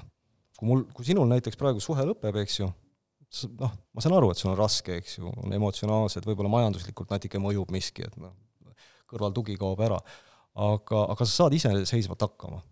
see ei ole sinu jaoks maailma lõpp otseselt. ja sa saad otsida uue küpse suhte, eks ju, ja nii-öelda siis rajada siis eelmise kogemustele uue. et, et jah, see on, see on alttingimus, et sa pead iseseisvalt hakkama saama. selles suhtes, et see, see iseseisvus on muidugi väga selline umbmäärane mõiste, sest noh, igav on ju elu, eks ju, ilma kellegi teiseta. et ma ikkagi tahan ju. mingi aeg ma tahan võib-olla rohkem, noh, see iseseisvus on ka muutuv mõiste ju. mingi aeg on mul raha vähem, mingi aeg on mul, mul kurb olla, mingi aeg ma tahan jagada endaga seda rõõmu, mis mul on, eks ju, mul on vaja kedagi teist. Need on episo-, episoodilised vajadused, need ei ole kogu aeg, aga kui see hakkab sind, kui see muutub näljaks, mida ei anna, anna, anna kustutada, kui see on mingi sügelus, mida sa, mida sa ei saa sügada, eks ju, siis, siis, siis see dikteerib sinu elu see dikteerib sinu elukaart, see dikteerib neid inimesi, kes, kelle sa enda kõrvale, kõrvale leiad ja, ja, ja sealt tulebki see, see kustumatu vajadus midagi saada, sest ma ei oska anda. aga siis äh, kuidas nüüd tulla toime siis kustumatu vajaduse kustutamisega või siis leevendamisega? see on pikk teema, see on pikk teema. esialgu on muidugi see, et sa pead teadlikuks muutuma, millest see tekkinud on. paljud ei tea ju see on sest kõige raskem ülesanne minu meelest. see on kõige raskem, sest nagu ma ütlesin, et need, need probleemid on tegelikult last, lapse, lapsepõlvest. noh, seal on nüüd jälle see äh, nii-öelda diskussioon äh, geenide ja kasvatuse vahel, eks ju, et kumb on tähtsam. ma arvan, et geenid määravad ja, ja, ja kasvatus kujundab selle, kes me oleme. et noh, me oleme inimesed, me käitume inimestena, see on, see on meil geenid, geenides, eks ju, ja see, et me käitume, see ongi siis see tulemus. et me ei hakka lendama, eks ju, me, me ei käi nagu, ma ei tea, ma ei käi nagu koer neljakäpukil. ei roni puu otsa ja on ju. just, just. et, äh, et, et aga nüüd, kuidas seda, kuidas sa nüüd seda, kuidas sa need põhjused leiad? see on, see on, see on nii raske, sest nad on ära peidetud, sest, sest tegelikult äh, väga paljud inimesed ei, ei, ei saa aru, mida, mida lapsepõlv nende jaoks tähendab. mis, mis traumad või, või mis ebameeldivused need jätsid tema ellu, sest, sest tegelikult tal ei ole ju võrdlusmaterjali lapsena. Tema arvaski, et see ongi nagu õige maailmapilt, see on ainuke maailmapilt, ta elabki kuskil saarel ja see ongi, see ongi õige ja see, niimoodi see käibki. ja, ja juba see, et äh, lapsed peavad alateadlikult usaldama vanemaid, noh, kuidas sa saad hakata mässama inimese vastu, kes, kes sulle turvalisust pakub? kes sulle pakub seda, mida sul on vaja, sa ei, sa ei hammusta ju kätt, mis sind toidab, eks ju. ja, ja, ja siis äh, sellest, äh, sellest nii-öelda instinktiivsest usaldusest äh, tekib ikka vastumeelsus oma vanemaid süüdistada milleski ja, ja näha nende, nende probleeme ja siis, siis me võtame ka ise, ise need vanemate käitumismustrid üle, kasvatame oma lapsi samamoodi, me arvamegi, et nii on normaalne, eks ju. normaalne tutistada, nurka panna, eks ju, karjuda tema peale, sest meiega tehti samamoodi. ja, ja, ja, ja sellepärast ongi see raske. et, et sa ei näe, et see on väär. sa ei näe ennast kõrvalt. sa ei saagi aru, et sa mõtled, et see ongi normaalne ja okei okay,, võib-olla ei ole normaalne, aga, aga mis ma ikka, ma olen selline. mul ei ole mõtet muuta ennast lihtne on ju, lihtsalt elada selles mugavustsoonis. aga just see, et, et neid, neid konkreetseid äh, põhjuseid ei osata nagu arheoloogi kombel kuskilt maa, maa seest üles leida. et äh, et mis, mis siin parem on, me saame ainult loota, et meil on head vanemad olnud, et nad on meid õigesti kasvatanud, noh nagu sina ütled, praegu sul on õnnelik äh, kooselu, eks ju, järelikult on, on sinu vanemad teinud väga palju õigesti. ilmselt mitte kõigest, kõike õigesti, aga, aga nad on enamikku teinud, on sinu jaoks piisavalt andnud, eks ju. Et äh, et sul, sul nagu puudub vajadus otsida sealt, noh muidugi arusaadavalt, noh, sa oled piisavalt töökas, eks ju, ja, ja piisavalt ettevõtlik, sul on kõik need asjad olemas, kui sa oleks laisk ja lohakas, eks ju, siis, siis mõistetavalt sa peaks midagi muutma, aga, aga ma arvan, et sa ei tunne praegu vajadust, muidugi sa tahaks endast paremaks versiooniks muutuda, aga aga sul nagu puudub see vajadus millegi järgi, äh, parema järgi, eks ju et sulle piisab see, mis sul on ja see ongi, see ongi hea, see on, see on õnne, õnne saladus, et sul on lihtsalt, vanemad on sinu jaoks kõike teinud, kõike andnud, mida sul vaja oli praegu täiskasvanu, sul on antud päris hea eh, veimevakk kaasa, eks ju, on see, on see teadmiste pagas, mingi selline nähtamatu raamat on sul olemas, kus sa saad alati omal orientiire otsida. ja, ja, ja ja see ongi ainuke, mis me saame loota, et meil on, meil on head vanemad olnud. Need, kellel ei ole head vanemad olnud, need hakkavad nüüd siis täiskasvanuna seda tööd tegema, mida nende vanemad oleks pidanud neile lapsena tegema, eks ju. seda... kordades, kordades raskem ja keerulisem. no inimese isiksust on peaaegu võimatu muuta, sest keegi ei taha, tal on, tal on see enesesäilitus, säilitusfunktsioon. sa ei, sa ei saa muutuda täna, sa ei saa siin minu ees muutuda naiseks, sa oled mees, sa oled kogu aeg mehena ennast tundnud, eks ju. et see on sinu identiteet. et samamoodi on ka pisimuutustega et need on sinu, sinu sisse, need on, need on ehituskivid, mida sa ei saa oma seinast välja taguda, ilma et see, see müüri ohustaks, eks ju, see võib kokku kukkuda. et, et paljud räägivad, oh, ma olen nii palju muutunud ja mis iganes, aga tegelikult ongi see, et sa lihtsalt taipad oma, oma puudused või, või need, mida sa tahad nagu parandada või parendada, eks ju, sa oled need üles leidnud ja, ja natukene nendega tööd teinud. et, et sa sa ei saa ennast, sa ei saa ennast absoluutselt muuta kellekski teiseks. see, see aeg on möödas, see on, see pannakse juba, ma ei tea, kolme-nelja-viieaastaselt paika. kui see, kui sa olid äh, kolmeaastaselt selline inimene, tüüp, nagu sa olid, eks ju, siis sa oled suure tõenäosusega seda ka praegu. kui nüüd mingi väga suur dramaatiline elamus ei ole sul nii-öelda läbi elatud, eks ju.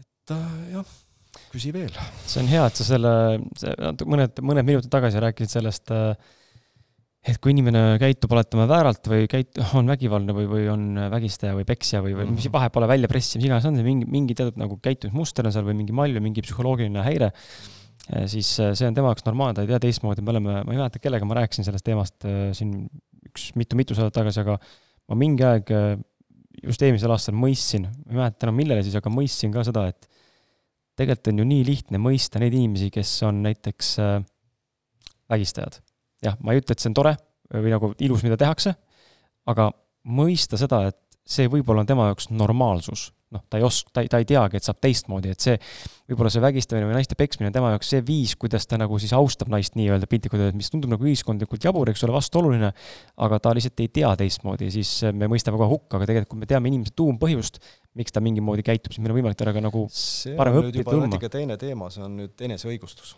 mm. -hmm kuna ma tean, et ma ei saa ennast muuta, aga ma ei taha ennast pahaks ka pidada, siis ma, siis ma õigustan ennast. sest ma olen lihtsalt selline, ma lihtsalt tahan. aga ma mõtlen just, et äh, kõrvaltvaataja perspektiivist, mitte see, kes ennast kõrvaltvaataja perspektiivist loomulikult, mis, mis me saame teha siin, eks ju, et mõista, et ta ei oska teistmoodi ja siis suunata teda või, või õppida? no just, suunamine, kas see aitab, mida no,, mida see suunamine aitab? nüüd ongi see küsimus, kuidas me saame ennast kaitsta selliste asjade, selliste inimeste eest. sest noh, fakt on see, et ta ei, ta suure tõenäosusega ei muutu. ja isegi kui, kui me loodame, siis, siis võib see väga, väga kurjalt kätte kasuda, eks ju. enne kui kaitsmise juurde lähme, siis kuidas ära tunda niisuguseid inimesi?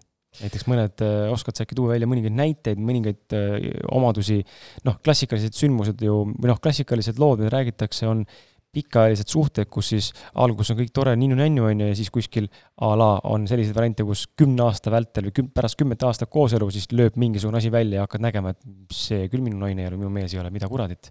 sa küsid, kuidas nüüd on võimalik neid väärmustreid märgata. väärmustreid märgata. ja siis alles, kuidas me, kuidas selle vastu kaitsta, kui sa ära tajud selle, et okei okay,, siin on mingi olukord. kuidas seda reaalselt märgata? kuidas reaalselt märgata? Kuidas reaalselt märgata et võib-olla mingi näide ka tuua, noh, mingist, mingist mustrist näiteks? ma mõtlen, nagu see on nii, see on nii äh, laialivalguv teema, millest võiks hästi palju nämmutada, eks ju, et et mm, ütleme, et sinu, sinu naine nüüd hakkab, sa ühel hetkel märkad, et, et ta käitub kuidagi, ma ei kujuta ette, nõuab sinult liiga palju või mm? -hmm. see on ka nagu selline asi, mis, mis sinu iseseisvust ohustab, eks ju, et ei lase sul oma tööd teha ja mis iganes ja noh, see, see, see piirab sind mingil määral, et kuidas nüüd aru saada aga äh, märkagi ennast. vaata ennast, kuidas see sinule mõjub. hakka ennast märkama, kuidas, kuidas, kuidas see suhe sinuga, sinuga käitub. sest, sest tegelikult äh, see inimene ei muuda, vaid suhe muudab. suhe selle inimesega muudab sind ja siis hakkad ennast vaatama, hakkad endast jälgima.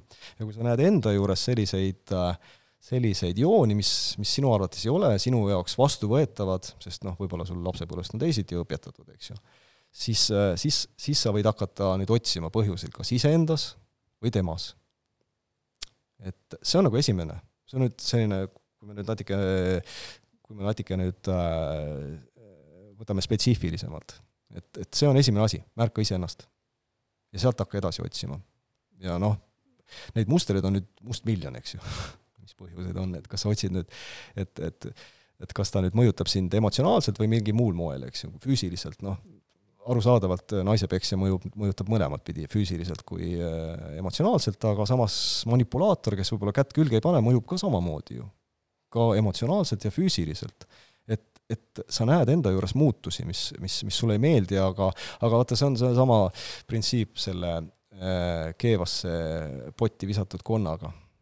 et äh, kui sa paned äh, konna tavalisse vee, veetemperatuuriga või siis temperatuuriga vette ja paned selle keema aeglaselt, siis ta ühel hetkel, kui muutub väga välja kannatama, hüppab selle välja, aga võta mingi, pane juba, pane juba see vesi keema seal poolel temperatuuril sellest, mis põhjustas eelmise konna väljahüppamist ja viska konn lihtsalt sinna sisse, vaata, kuidas ta kohe hakkab seda märkama.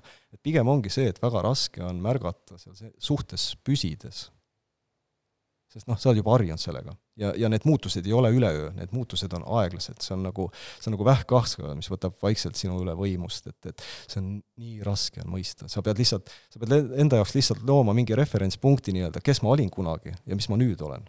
et, et ilmselt äh, mis inimesed ongi, kes on hakanud märkama neid asju, ongi aru saanud, et oota, vaatame, kes ma olin nüüd kümme aastat tagasi, vaatame, kes ma olin üks aasta tagasi, eks ju, ja ma ei ole üldse see, mis toimub et, et see mulle ei meeldi, järelikult on see suhe, suhe minu jaoks kahjulik. nüüd vaatame, mis, mis põhjus on. eelmine suhe, võtame nüüd jälle referentsiks, vaatame mingi eelmine suhe, mis mul oli, noh, see oli päris hästi toimis, eks ju, seal sellist asja ei olnud. järelikult on see küsimus suhtes. ja järelikult ei ole see asi alati minus, see võib olla temas, kes mul vastas on. aga loomulikult äh, vääras suhtes on kaks väärat inimest. et äh, neid loovad ikkagi nii-öelda mitteküpsed inimesed. et, et, et sa võid, äh, põhimõtteliselt võid sa ühest inimesest, äh, täitsa süütust inimesest ka kiskja teha kui, kui sinu iseloomuomadused võimaldavad seda. kui sa oled selline andja, eks ju, annad talle kogu aeg, ta harjubki selle võtmisega ja lõpuks ta, sa muutud nii iseenesestmõistetavaks, sa võtadki vastu. sa ei tahagi enam vastu anda. ja siis, siis korraga märkad sa, et oi, ma olen nüüd kiskjaks muutunud. et, et see ongi niimoodi, et äh, inimene ise võib, võib, võib põhjustada sellise väärsuhte oma käitumisega. mitte see, et ta läheb kellegi, kellegi sellise, keda sa võiks suhtekiskjaks nimetada, lähed suhtesse tuleb lihtsalt üks äh, Ants Rootslane, hüpnoterapeudi lause sealt meie eelmisest äh, live-vestlusest üles, kus ta ütles, et äh, et üks psühhopaat leiab ikka teise psühhopaadi üles, et psühhopaat pole kunagi suhtes üksinda, et alati on teine psühhopaat kõrval mingis mahus. no psühhopaadiga ma jah, selles suhtes sarnane tõmbab sarnast, eks ju. -hmm. Poola Abdul laulis valesti, et vastandid tõmbuvad. et, et tegelikult on sarnased. see võivad olla mingid sellised nähtamatud sarnasused aga need on sarnasused, mhm. seal on mingi põhisarnasused on olemas inimesel. noh, kui sa nüüd ütled siin psühhopaadist räägid, siis, siis psühhopaadid on tegelikult oma, oma selles nii-öelda parasiteerimises nendest äh, kiskja tüüpidest tegelikult kõige teadlikumad. Ja, ja, ja üks psühhopaat teisega väga kokku ei sobi. et pigem äh, psühhopaat läheb just selle nii-öelda andjaga kokku. ühel on, ühel on suur vajadus anda midagi ära endast, see nagu väärtustab teda, see see muudab ta, ta eneseväärikust, eks ju, ja, ja, ja psühhopaat siis selles suhtes on võtja, tema on, tema elabki äh, hunt murrab hunti maailmas. tema ongi karm. Tema teab, et äh, nõrkus tasutakse ära. ja siin ongi see, et kui sa nüüd võtad, et nad on tegelikult kaks vastandit, üks tahab ja teine tahab anda, eks ju. tahab endale, üks tahab endale, teine tahab endale saada. või tähendab, enda, endalt anda. et, et äh, see on ju arusaadavalt, on see, see, see mõistetav suhe, eks ju kui sul on äh, tühi veekruus ja täis veekruus, siis sa, et sa tahaks nagu, et nad oleks mõlemad võrdsed, siis valad ühelt teise. Et äh, siin nüüd teebki küsimus, et noh, vaat-, väli, välimiselt äh, vaatuselt äh, tundub, et nad on kaks täitsa erinevat vastandit, eks ju. aga tegelikult neil on need vajadused sarnased. jälle need vajadused. et üks tunneb turvalisust siis, kui ta saab anda, ja teine tunneb turvalisust siis, kui ta, kui antakse talle kas need äh, lood siin raamatus, äh, ma täpselt peast nüüd ei mäleta, mitu, mitu naise lugu siin oli, kuus-seitse või? Seal on nüüd naise lugusid on kolm ja kaks on meestest tegelikult. Kui sa, no kui, kui sa mõtled nüüd kiskjaid, eks ju? jah mm -hmm., jah, kolm jah ja. ja.. et äh, kohe ütlen alguseks ära, see, et see on nüüd kolm naise lugu ja ainult kaks mehe lugu, see on, see on lihtsalt juhuse tahtel, nad lihtsalt, ma olen neid tegelikult, kirjutasin alguses äh, kaks tükki veel juurde meestest, eks ju, aga lihtsalt need naistest tulid kuidagi paremad välja ja ma otsustasin need raamatusse jätta. kas need on äh, tõesti sündinud lood? ei, ei ole. Seal on, äh, need mustrid on tõesti sündinud, mhm. jaa. Need on, äh, sest tegelikult suhtemustrid on ju väga sarnased, et väärsuhted, üks väärsuhe näeb väga sarnane teisele välja, eks ju. oleneb, mis, mis, mis kiskjatüübiga on tegemist, eks ju, et ütleme nii, et need need mustrid on tõesti võetud äh, mm, nii-öelda siis reaalsest elust, et, et need, need lood on tehtud küll välja mõeldud, aga võimalikult reaalseks. Ja ilmselt see realism on siis seal ära tajutav, eks mm -hmm. ju. et äh, jah, et ei saa öelda, et seal on üks konkreetne inimene, kellest räägitakse, seal on äh, lihtsalt äh, kompott selle kiskja tüübist, kes on pandud ühte isikusse ja tal on siis nimi pandud, eks ju. enne kui järgmise küsimuse juurde lähme, siis äh mul on siin üks raamat, äh, Mareku enda raamat, siis sama Suhtekiskjad, mille Marek tõi siin üle, see on äh, koos Mareku autogrammiga. Kenasti on siin kirjas äh, paar sõna ja, ja ilus niisugune kritseldus ka. kui sa enda taha seda saada, siis teeme niisuguse, teeme sellise, sellise väikse Facebooki loosimängu, et mine otsi ausat meest Facebookist üles see saatepostitus ja jaga seda enda seinal ja kõigi jagajate vahel äh, ma siis äh, valin äh, ühe, inimese välja ja, ja saadan selle raamatu sulle. et ähm, ma nüüd natuke olen hädas praegu mõtlemisega, et kuna ma ei tea, kuna ma saadan salvestama ette, siis ma nüüd üritan mõelda, millal see saade reaalselt nagu avalikkuse ees on. tuleb, kuna ta tuleb, noh. et kuidas siis tuleb. neid, kuidas neid reegleid siis teha, et, et millal ma siis tean, et nüüd on, et nüüd rohkem osaleda ei saa no,? ilmselt postituse kuupäev on sul ja sealt alates siis. jah, jälgige Facebooki postituse kuupäeva, seal vist kuvatakse küll postituses kuupäeva. loomulikult. et jälgige kuupäeva, siis teeme kuupäevast äh, Facebooki postitusest kolm päeva hiljem, ehk siis kui sa kuulad nädal aega hiljem äh, kuupäevast, mil see Facebooki postitus tehtud sai, kus me Marekuga koos siis oleme, seal raamat käes on, siis äh, ei ole mõtet, noh, sa võid muidugi jagada, võid ikka, aga siis lihtsalt äh, raamat on ilmselt kellelegi läinud. tore oleks jagada, aga siis lihtsalt raamatut enam ei saa ilmselt.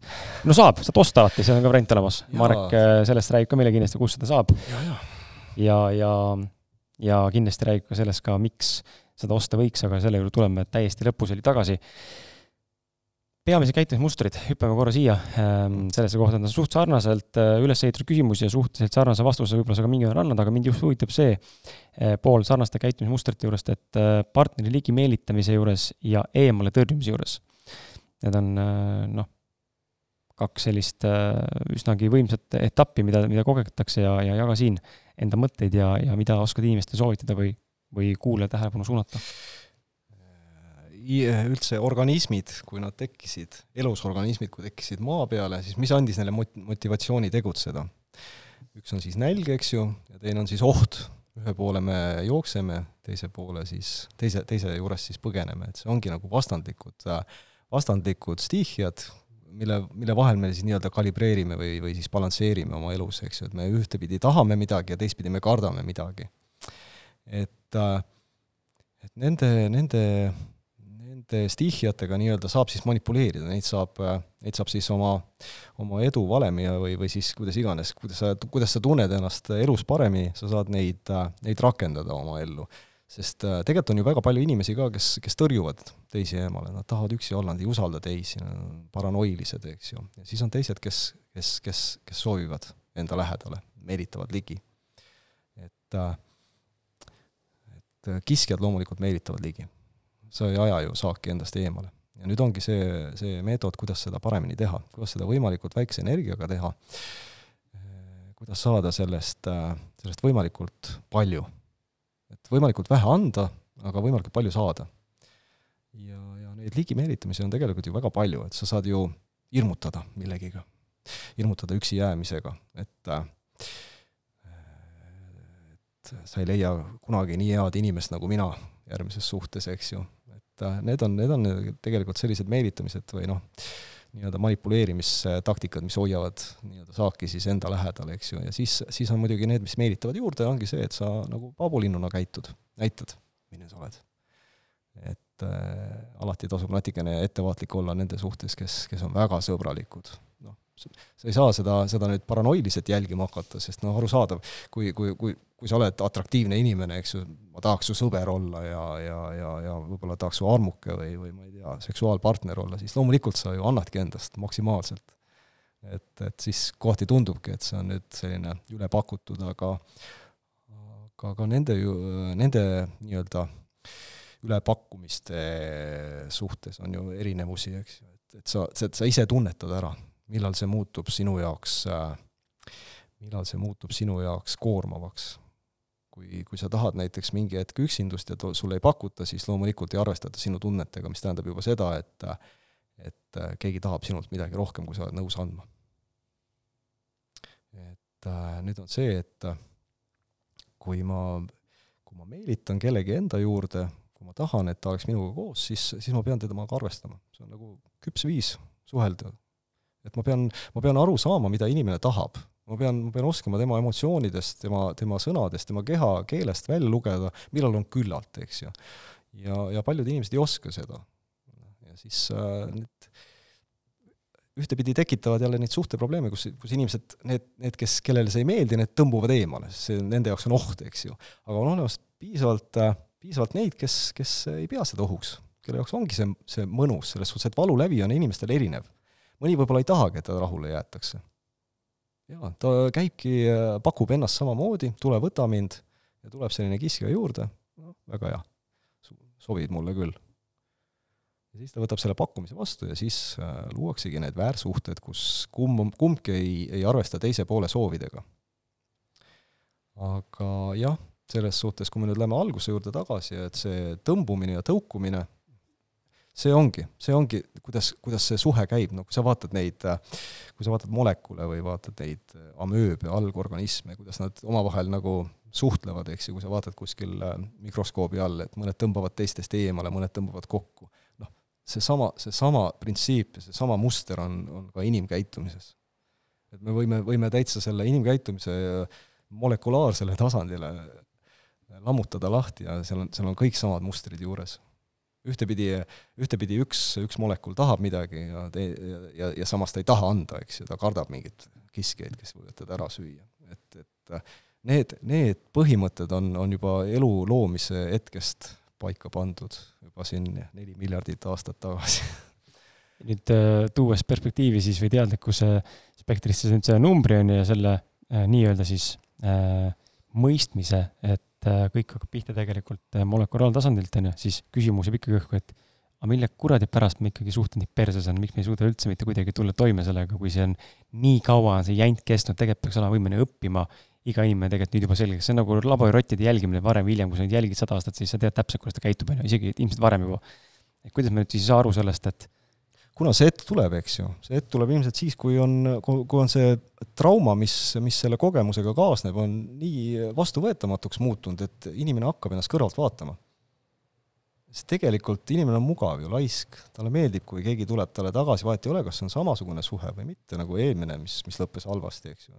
inimesele meeldib lihtsalt olla seal, kus ta on ja, ja loota paremat ja naiivselt tegelikult loota paremat äkki seekord on teistmoodi. ilma midagi tegemata teistmoodi. ja ilma midagi jah, et lihtsalt teine inimene muudab midagi. tegelikult aru saamata, et kui ta ise on katkis, ta loob katkiseid suhteid, aga ta, aga see suhe jääb lihtsalt kestma nendega, kes, kes samuti on katkised.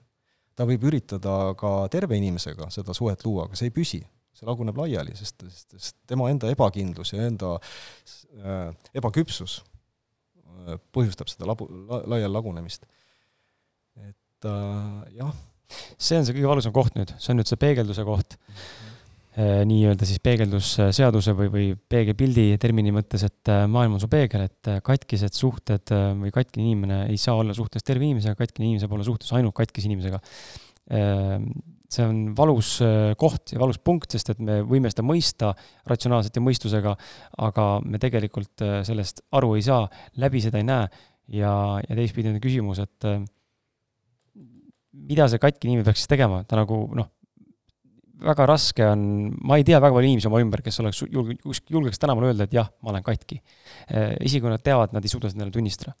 eriti avalikult, on ju, rääkimata siis äh, noh. sa ei tahagi väga tunnistada. noh, aga mida teha siis nagu reaalselt, kui ma olen katki täna ja ma loongi ainult, tänu sellele ma olen katki, ma saan ka ainult katkiseid suhteid ja kuidas ma siis selle mis ma nagu endaga siis tean tegema, lähen ma terapeudi juurde, lähen ma kuradi hullumehe korraks Seevaldisse või kuhu iganes veel, onju, et mis ma tegema pean? nüüd sa küsid mul lihtsa küsimuse, millele vastus võimaldaks kõigil inimestel lahendada oma suhteprobleemid ära ja jätaks psühholoogid ja terapeudid tulista.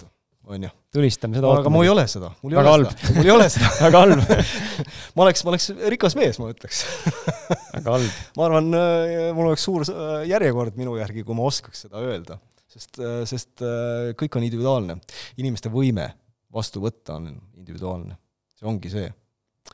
et ei ole olemas sellist äh, universaalset võtit. universaalset võtit, mis sunniks inimest muutuma või, või parandama ennast, ma ei tahaks öelda, et muutuma, ma ütlen parandama, sest muutuda on väga raske, aga parandada ennast võimalik. ütleme nii, et kui sa oled laiss, siis, siis sa saad ennast parandada natuke virgemaks. või, või siis pigem on see, et sa, sa teadlikult äh, tegeled oma laiskusega, see on nagu noh, alkoholism, kus sa iga päev pead olema valvel, et sa ei kukuks nüüd jälle selle korgi otsa, eks ju. et sa pead olema pidevalt valves. et, et seda ei saa muuta. sa saad, sa saad leevendada seda ainult.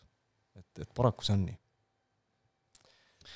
ja ei ole sellist, ei ole sellist universaalset, see on, see on, see on see on, ei ole universaalset inimest olemas, oleks mm -hmm. üks universaalne inimene oleks, siis oleks see retsept olemas see aidata on ilmselt võimalik, noh, aidata ongi võimalik inimest, kes laseb ennast aidata ja kes tahab, et teda aidatakse muutuda. et, äh, et, et neid inimesi ei olegi tegelikult väga palju, kes tahavad ennast nii-öelda sellesse intiimsesse sfääri lubada, kes sest noh, arusaadavalt sa pead natuke tunnistama, et sa oled mingit moodi lõhki ja, ja, ja katki ja sa vajad abi, eks ju, see ei ole kerge, see ei ole absoluutselt kerge. Ja sa oled, võib-olla oledki harjunud kannatama, see on võib-olla see samamoodi jälle see lapsepõlvest saati oled sa harjunud kannatama oma ema või isa terrori all. Ja see tundub nii harjumuspärane ja tegelikult sulle isegi meeldib see. sest, sest see on nii tuttav, see on nii tuttavlik, et äh, parem, äh, parem, parem tuttav kurat kui, kui, kui võõras kurat, eks ju. või võõra, võõras ingel jutumärkides nii-öelda. jah, või võõras ingel, eks ju, jah, et, et sa, sa, see, see on, see on inimesele meelepärane.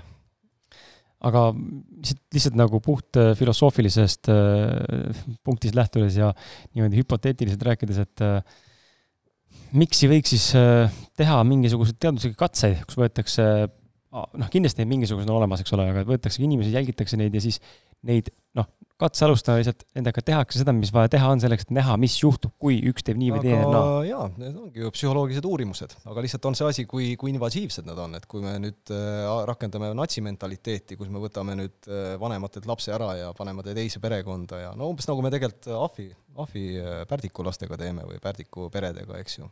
see on ju kõik tehtud ju. ja, ja need katsed on siin viiekümnendate, kuuekümnendate aastat päris, päris julmad ja, ja, ja ebainimlikud olnud täiesti on noh, me ju ikkagi nii-öelda pärdikutega jagame oma geene, eks ju, ja, ja tegelikult nende, nende see sotsiaalne areng on tegelikult suht sarnane, võib-olla küll kiirluubis kui inimesega, et, et see on suht sarnane inimesega. et me saame tegelikult sealt võtta suht sarnaseid mustreid, me saame nagu paralleele tõmmata. et, et jaa, kui me, kui me tõesti on meil hakkab äh, valitsema võib-olla siin mingi nats, siis, siis, siis on see ilmselt võimalik, kui tuleb mingid Mengeled, doktor Mengeled hakkavad uurima inimesi, siis on see ilmselt võimalik, see, see viib kindlasti kiiremini edasi mingite järelduste tegemisel, noh sest noh, sõda, sõda ka parandab ju sõjavarustuse arengut, eks ju, kiirendab. et, et samamoodi on see aga, aga me elame demokraatlikus ühiskonnas, me ei saa seda lubada endale, me peame rahumeelsete, me peame, me peame kompama ja sellepärast, sellepärast me teemegi neid äh, teadusuuringuid, millele siis nii-öelda see raamat, äh, minu raamat ongi siis põhinenud, et äh, et mõista objektiivselt, mitte subjektiivselt, mitte läbi enda prisma, mis, mis on alati omaenda arvamuste ja oma uskumustega rikutud, eks ju, juba reostatud ära. et äh, läheneme siis teadusliku meetodiga et äh, kui ma saan, kui ma saan mingit tulemust teisiti korrata, siis, siis on see teadus, siis on see teaduslik fakt, et see nii on. et kui, kui ma, mina arvan midagi, siis, siis see on ainult hüpotees, mida, mida tuleb äh, tõestada, aga jah, praeguses seisus on tõesti see, et, äh, et inimkäitumise uurimine ongi siis nii-öelda rahumeelse, nii-öelda välis, välispidise igasuguse küsitluste alusel äh, enesehinnangute, äh, blankettide või mis iganes analüüside alusel tehtud, eks ju. aga kui me nüüd tahame tõesti äh, nagu inimest nii-öelda siis uurida, mis temaga võiks juhtuda, kui ta mingis olukorras on, siis, siis ajuuuringud, ajuuuringud, puhas neuroloogia. see, mis meie peas on, see ongi meie et kui me vaatame, kui me, kui me stiilu-, stimuleerime ühte ajupiirkonda, kuidas me siis käitume, mida me tajume, mida me tunneme, mida me näeme, või me, kui me paneme nii-öelda, manustame mingit hormooni ja vaatame, kuidas see inimese käitumist muudab. et vot nende alustel tõesti me saame juba teha ja need on sellised füüsilised anatoomilised katsetused, kus me, kus me saamegi tegelikult konkreetseid vastuseid. sest, sest need sest äh, igasugused äh, psühholoogilised uurimused, mis siis noh, ongi nagu nende küsitlustele alusel baseeruvad, need ongi tegelikult ju lihtsalt selle väljendused, mis meil peas toimub. et kui me, kui me läheme tõesti juba nende allika juurde, milleks on siis meie aju, siis me saame õigeid vastuseid. et ma arvan, et kui ajuteadus nüüd veel kõvasti siin ja lähiaastatel, aastakümnetel areneb, siis, siis võib-olla kaobki lõpuks vajadus ära nende küsitluste järgi või me saamegi äh, saamegi inimese pea lõhk, lõhki lõigata ja vaadata, kes ta on. ja anname talle natukene hormooni siia ja lõikame tal ühe väikse jupi siit ära ja, ja siis, siis ta, siis ta on, siis ta on teistsugune. ja seda on ju läbi aegade tehtud ja need on ka jälle sellised ebainimlikud, sest, sest, sest paljuski sa ei tea, mis juhtub. see on katse-eksitus. inimesed on, inimesed on vigastatud läbi selle, et, et on võetud, on võetud nii-öelda teadusliku faktina mingit, mingit ajumood-, aju aju muutust või, või aju mõjutamist, eks ju. siit sulle siis idee, Marek, sinu elutöö. ei Kirjuta..., nüüd ma olen, ma olen, ma olen hiljaks jäänud, see on, see on liiga, see on liiga, liiga, liiga aga intelligentne teema. aga ei, aga ettepanek on see, et kirjuta, kirjuta raamat mm. -hmm. ma julgen praegu pakkuda, ma ise ei ole nii suur spetsialist kui sina täna ja ei oska, võib-olla ei ole seda nii palju uurinud ka, aga juba, juba sa panid mulle sildi külge spetsialist. minu, minust teadlikum selles osas, rohkem infot Ehm, kirjutas raamat läbi erinevate näidete suhetest, situatsioonidest ja kuidas neid lahendada väikeste juppidena. ma kujutan ette, need mingi hetk saavad otsa, need nagu standardnäited. ah, siis sa no, lahendaksid mingi... väga palju inimeste probleeme. jaa, noh, see on juba teine, teine raamatu idee, iseasi, kas ma lähen sinna, see on teine asi, eks aga mõttena? ei, mõte on hea, mõte on hea, selle peale on mõeldud, aga jah ma ei tea, kas sa oled kuulnud sellist äh, numbrit, kuskilt on läbi käinud ja praegu kargas mulle pähe, et äh, rääkides suhetest siis, et öeldakse, et seitse aastat, noh, vaata inimese endal on ka seitse või kümme, mis oli, või, või midagi taolist, on see arengu suuremad faasid, et siis inimene nagu muutub ja tema ringkond, kellega suhtleb, see muutub ka, sõpruskond ja tegu, seltskond ja kõik see muu otsa, et suhetes räägitakse ka, et seitse aastat on siis paarisuhe selline aeg, kus siis kui seitse aastat üle pead, nagu siis hakkab nii-öelda järgmine mingisugune hingamine ja uus tsükkel, aga et see seitsme aasta on tavaliselt väga kriitiline väga, väga paljude inimeste jaoks, kas sa oled nagu uurinud seda asja, kas see vastab tõele või miks see nii on või miks seda väidetakse või tead sa mõnda muud äh, numbrit või mõnda muud äh, ma arvan, et see on jälle mingi statistiline anomaalia või noh, mis mm, -hmm. mitte anomaalia isegi, vaid siis jälle selline subjektiivne arvamus, et no, nüüd ma elasin seitsme aasta kellegagi koos ja nüüd lagunes laiali ja see on nüüd täitsa tüüpiline, sest teistel inimestel on ka, eks ju. et äh, päris ausalt öelda ma ei ole selle kohta uurinud. Selle, ma usun, et selle kohta on, löö Google lahti, vaata, kas seal on selliseid vastavaid uuringuid ja kindlasti on seal mingi, mingi põhjus olemas, eks ju. et äh, miks see nii toimub seitse aastat ma ka ei tea. aga kuidas sa ise tunned, ole, on sinu suhe nagu muutunud, transformeerunud mingi seitsme aasta jooksul, on ta nii kaua kestnud? jaa, seitse pool on täis. Ähm, sellepärast sa küsidki niimoodi jaa, paneb mõtlema, sest et see aasta on äh, kõige väljakutsuvam olnud äh, ja mitte mm. omavahelises suhetes, vaid äh, iseenda mõistmine ja mõlemapoolselt on ise, iseendast parem arusaamine tekkinud, eneseteadlikkus on tohutult palju kasvama hakanud just sellel aastal. Ja see mingil määral on äh, toonud ka pilti selle, kus ma näen, mida mina väga tugevalt täna suhtest otsin ja miks ma seda otsin, ma saan väga hästi aru, sest seal on konkreetselt mingisugune vajadus, mis on äh, tekkinud mul lapsepõlvest ühest traumast või mitmest traumast isegi, täpselt ei tea ka, ma olen siin saates jaganud. äh,, lihtsalt näen seda nagu, et täna on see kuidagi hästi nagu tugevalt õhus mõlema pool, aga, aga see ei ole meie suhet mõjutanud, vastupidi, on teinud lähedasemaks, me arutame koos, aga ma näen, et mõlemal toimub midagi nagu taustal kogu aeg. no suhe on mingil moel küpsemuse astmes siis nii-öelda jõudnud järgmisele faasile, eks ju. et just ongi nüüd see, see teadlikkus, eks ju, mõlema poole pealt. isegi piisab ühe poole teadlikkusest, ta ärgitab nagu teist inimest ka mõtlema, eks ju. aga jah, näed, see vastab ilusti sinu algusele küsimusele, et, et et mina olen kindel, et või noh, selle väitele, et sa oled väga kindel, et su suhe on kestev, eks ju, suhted on muutuvad. et võib-olla sa aasta pärast leiad, et jumala eest, arvame, et ei ole nii, aga võib-olla arvad, et see suhe ei ole ikka see, mis sul vaja on, siis ta muutub, eks ju.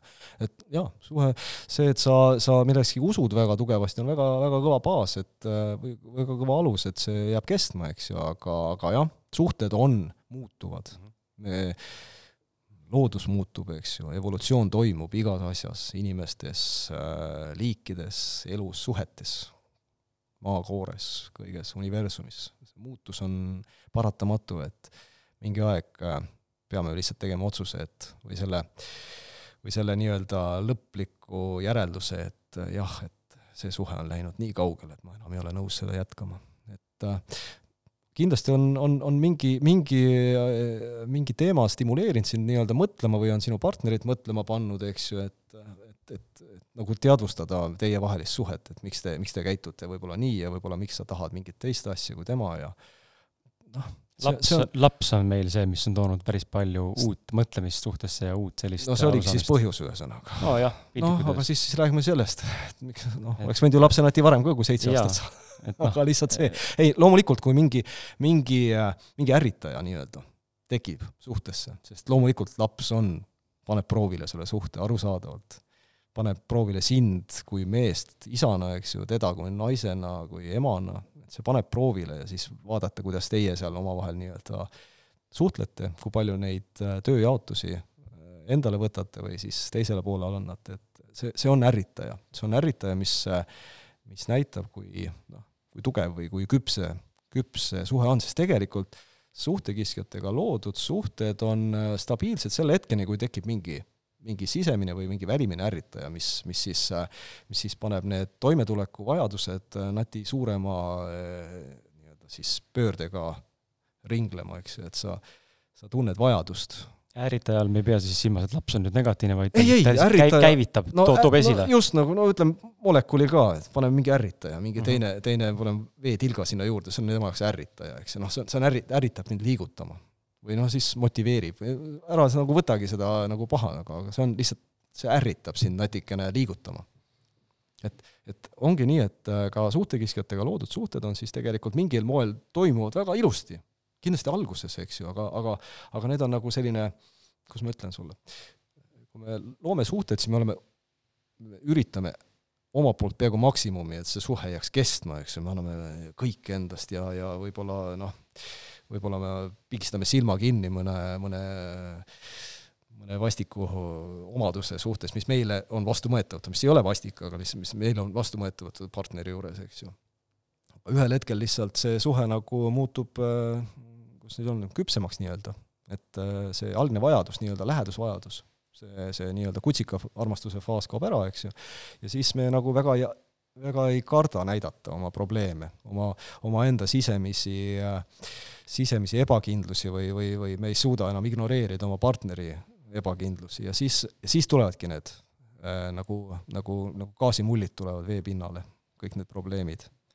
et äh,, et äh, jaa, aeg, aeg näitab, kuidas milliseks suhe on, et, et ma ei saa öelda, et nüüd täna kohtusid sa suhtekiskjaga, vaid see ongi läbi aja, millal, millal tuleb see esimene tugevam mõra sisse.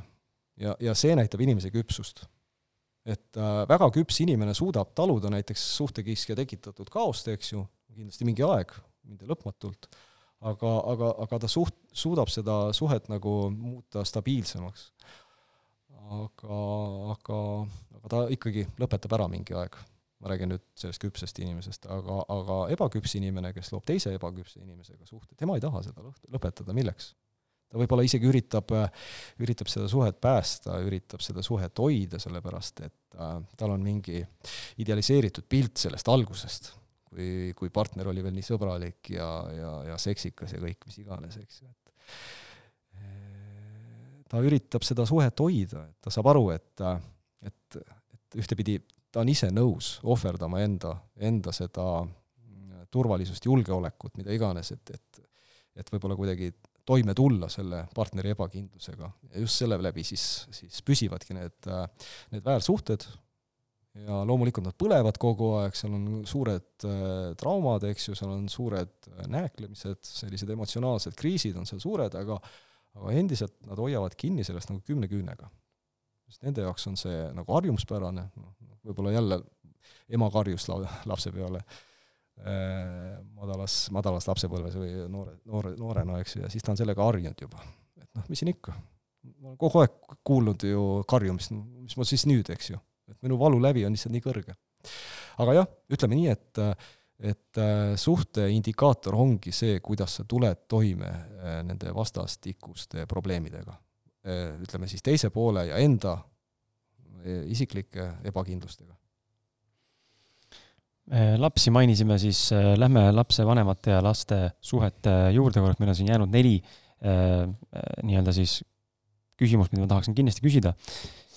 et äh, su raamatust äh, tuli välja kuskilt äh, selline lause, et lapsevanemad peavad äh, valima äh, kahe vahel.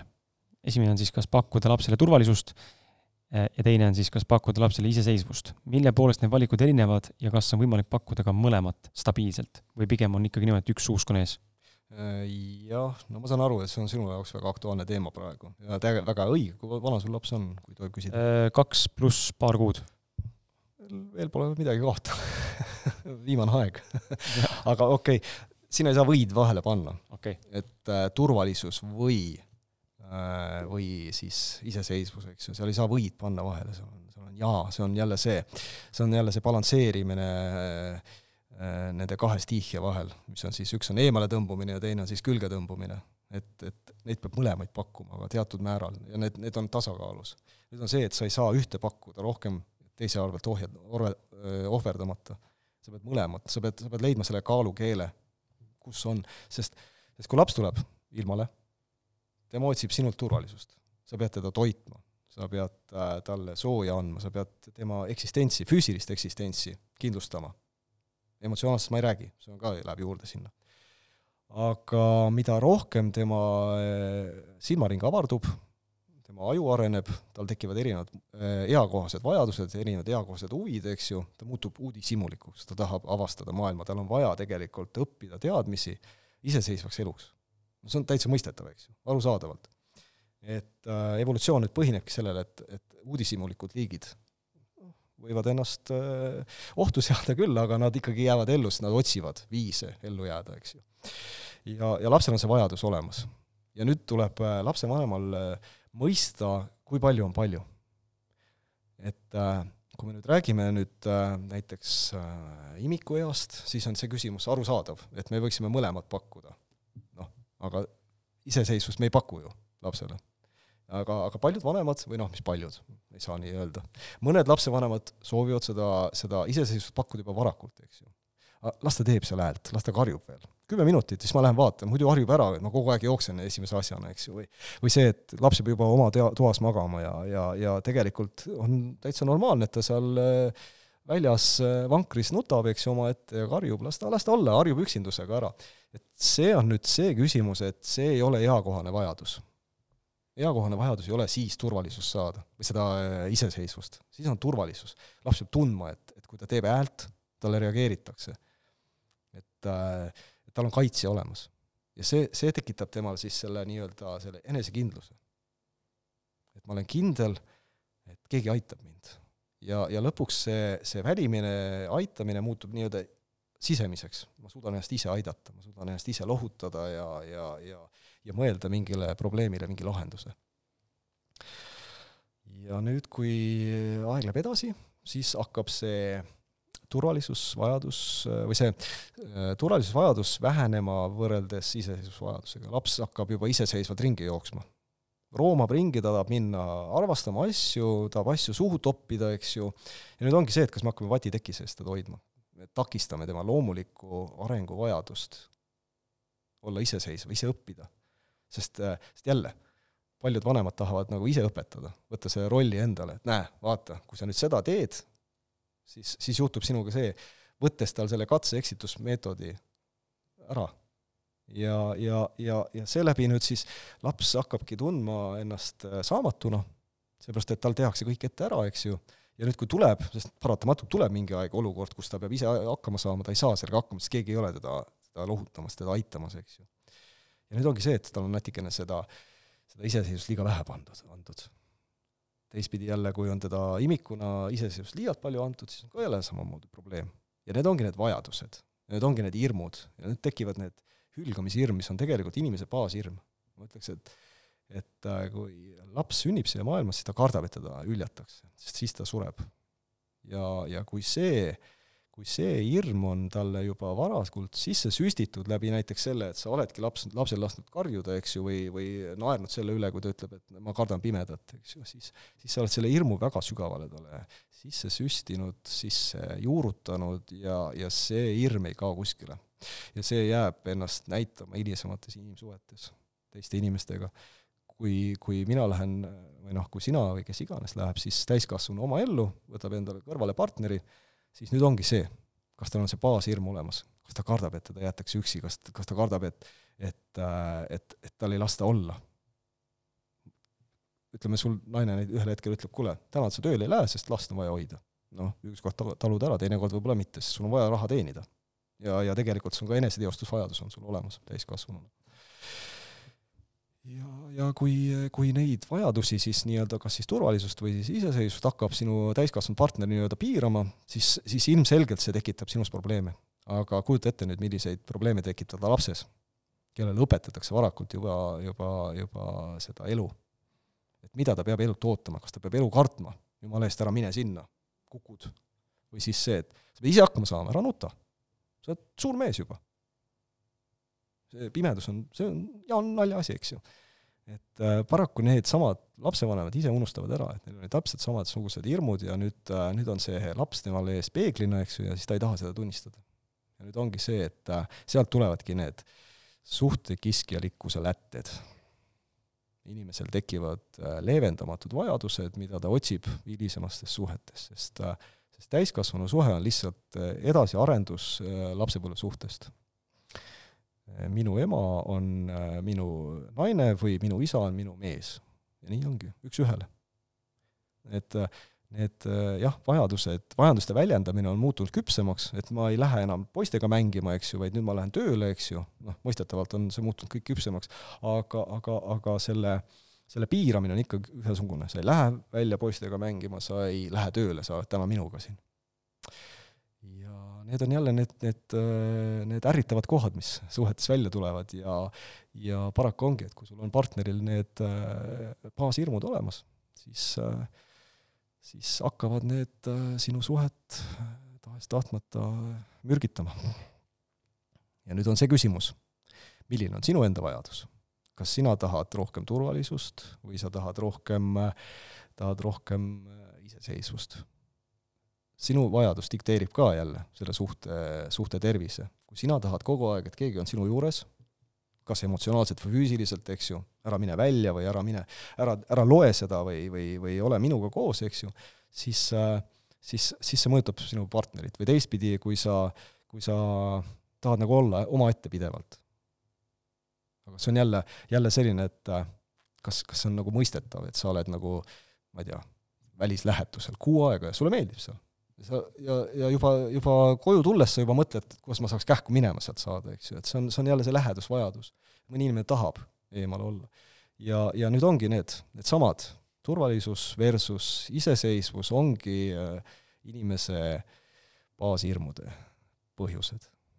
ja need kujundavad hilisemat elu, kuni põhimõtteliselt elu lõpuni, kui sa ise aru ei saa, mis sul põhjus on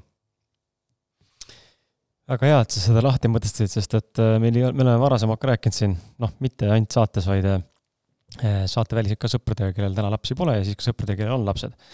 ja siis ongi seal on nagu äge, äge minu arust näha siin maastikul seda äh, koolkondade erinevust, et kaks suurt koolkonda on, kes siis ühed on need, kes tahavadki seda, et laps oleks nurgas nutaks oma voodis imikuna kohe eraldi ja siis teised on need, kus olen ka mina siis täna, kus laps magab ühes voodis meiega koos ja ma tahan talle pakkuda seda, mis ta eakohas vaja on tegelikult, milleks on tähelepanu, armastus ja ellus ja siis on nagu näha, hästi kihvt näha, kuidas noh, nii nagu erinevad teemade elus või maailmas üldse, tekivad need collision'id, niisuguse näha, et tekib niisugune nagu, et oot-oot-oot, sa kasvatad oma last niimoodi või?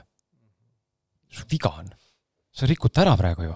sa ei pane, sa ei panegi lasteaeda või? sest, sest mind kasvatati ju teistmoodi. just, ja siis nagu tunnedki, et need on jälle need kohad, kus tegelikult inimestega ei ole mõtet isegi vestlema, vähe, tähendab, täpsustan, vähem teadlike või intelligentsemate inimestega ei ole mõtet suhtlema hakata, sest seal tekib lihtsalt mõttetu konflikt ja,. jah, jah, just nii ongi. aga see on, see on, see on, see on see maailmavaate erinevus mm. -hmm. aga no nüüd, okei okay,, tuleme nüüd selle suure küsimuse juurde, mis ei ole küll suhteküsimuste juures, aga sellest on saadetes väga palju räägitud, kuidas siis õppida kohanema maailmas, kus meil on põhimõtteliselt kõigil on õigus. noh, et vaata, kui räägitakse, et kellel on õigus, siis äh, ma olen tänaseks aru saanud, et kellelgi on õigus ja samas kõigil on õigus. et meil maailmavaated ongi nii palju erinevaid, et äh, igaüks võib elada nii, nagu tahab ja, ja mingis mahus täna siin selles maatriksis või maailmas või nimetame, kus tahame seda, siin saabki niimoodi elada. võib-olla mujal kuskil on mingid reeglid ja on olemas õige ja vale, aga täna tundub, et siin kõik teevad, mis tahavad ja, ja kõigil on õigus, on ju, kõik, kõik elavad kuidagi, et kuidas tulla toime selle mitmekesisusega, kus maailmavaated kogu aeg põrkuvad ja mõõgad on kogu aeg vastamisi ja kirved on kogu aeg väljas? subjektiivsus. sest mina olen harjunud ühteviisi käituma ja, ja, ja ma arvan, et teised peavad samamoodi käituma. see on subjektiivsus. see ongi see, et, et äh, ma sean selle normaalsuse nii-öelda tasandi enda järgi.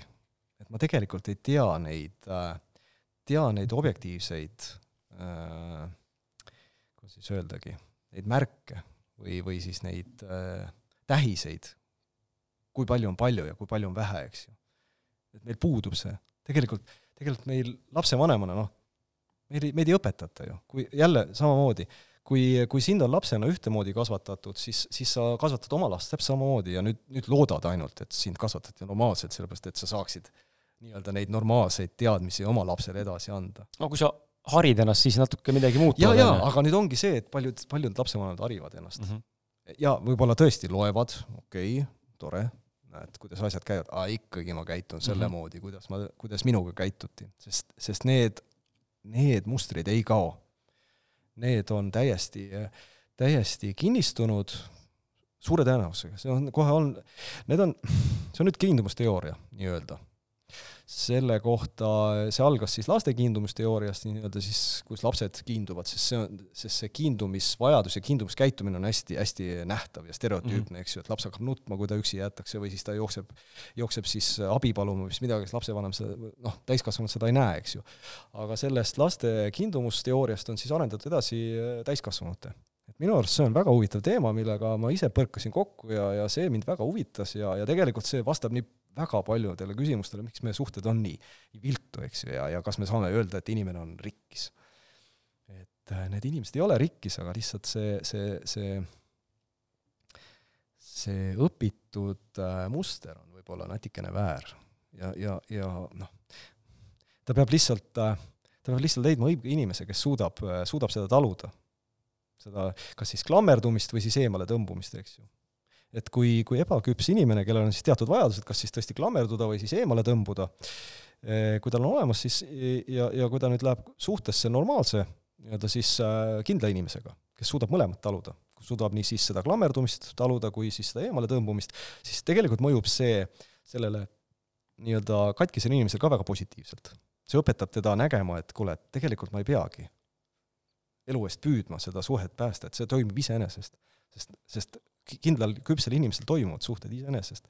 nagu kõik on õlitatud, eks, nagu masinavärk töötab. Ja, ja, ja see täiskasvanute kiindumussuhe, noh, see on, see on armastuse keel. mul on nii kahju, et ma seda raamatusse ei pannud, sellist, sellist väljendit, oleks jälle väga, väga, väga ilus silt olnud. kas sa oled lugenud seda, seda raamatut Vii-, armastuse viis keelt äh,? jah, noh, noh, see ongi armastuse keel mm. -hmm. kuidas ma suhtlen inimesega, kuidas ma, kuidas ma tõlgendan äh, armastust, kuidas ma tõlgendan suhet. ja mida ma ootan. ja mida ma suhtest. ootan, jah, just. ja see ongi armastuse keel nii-öelda et nimetame siis seda armastuse keeleks, sest, sest tegelikult see armastuse keel on lapsel ka ju. Kuidas ta armastab oma lähedasi, oma sõpru, oma õpetajaid või oma, oma kasvatajaid, eks ju mm. -hmm. et äh, oma vanavanemaid. et, et see on armastuse keel. kas ta, kas ta ootab nendelt midagi hästi palju või, või, või vastupidiselt ei oota midagi. et need on need kaks äärmust, eks ju, et kuldne kesktee jälle on selle, selle õnne valem kuldne kesktee selle vahel, et sulle pakutakse piisavalt turvalisust ja piisavalt äh, iseseisvust. et sa saaksid funktsioneerida täiskasvanuna, iseseisva täiskasvanuna, kellel on omal vajadused. see on nii lihtne. tegelikult on, kui sa, kui sa nüüd tegelikult vaatad neid äh, noh, ütleme siis tõesti suhtekiskjate suhteid, siis, siis sa võid vaadata, et seal on tegelikult äh, suhtes kaks last nad näevad küll täiskasvanud välja, aga nad on tegelikult lapsed. Nad on emotsionaalselt lapsed, nad on käitumiselt lapsed, need, need, need, need, need äh, kriisid on tegelikult lapsikud. Nad on ebaküpsed. et see tähendabki seda, et ebaküps inimene on sellises suhtes.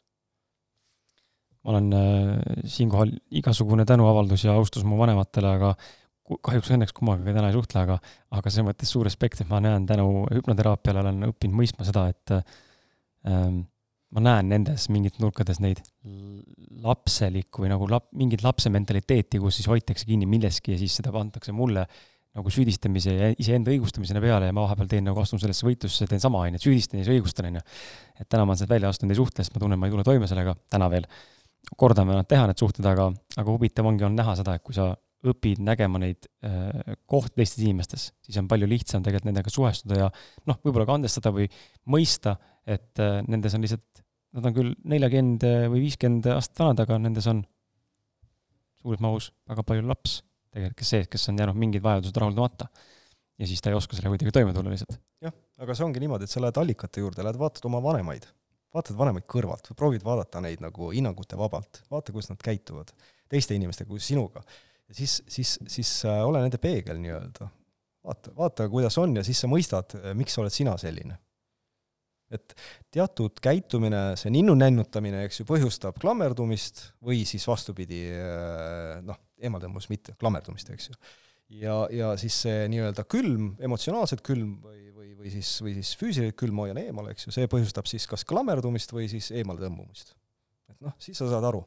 et kui neil on, kui neil on omavahel nagu suhted korras, emal-isal, eks ju, siis, siis sa saad öelda, et oh, mul on ka kõik, kõik hästi aga jaa, loomulikult, selles suhtes, et äh, need pole kivisse raiutud mm. -hmm. et selles suhtes, et see, kes sa olid lapsena, ei pruugi olla sa täiskasvanu, suure tõenäosusega oled see, aga, aga see ei pruugi olla.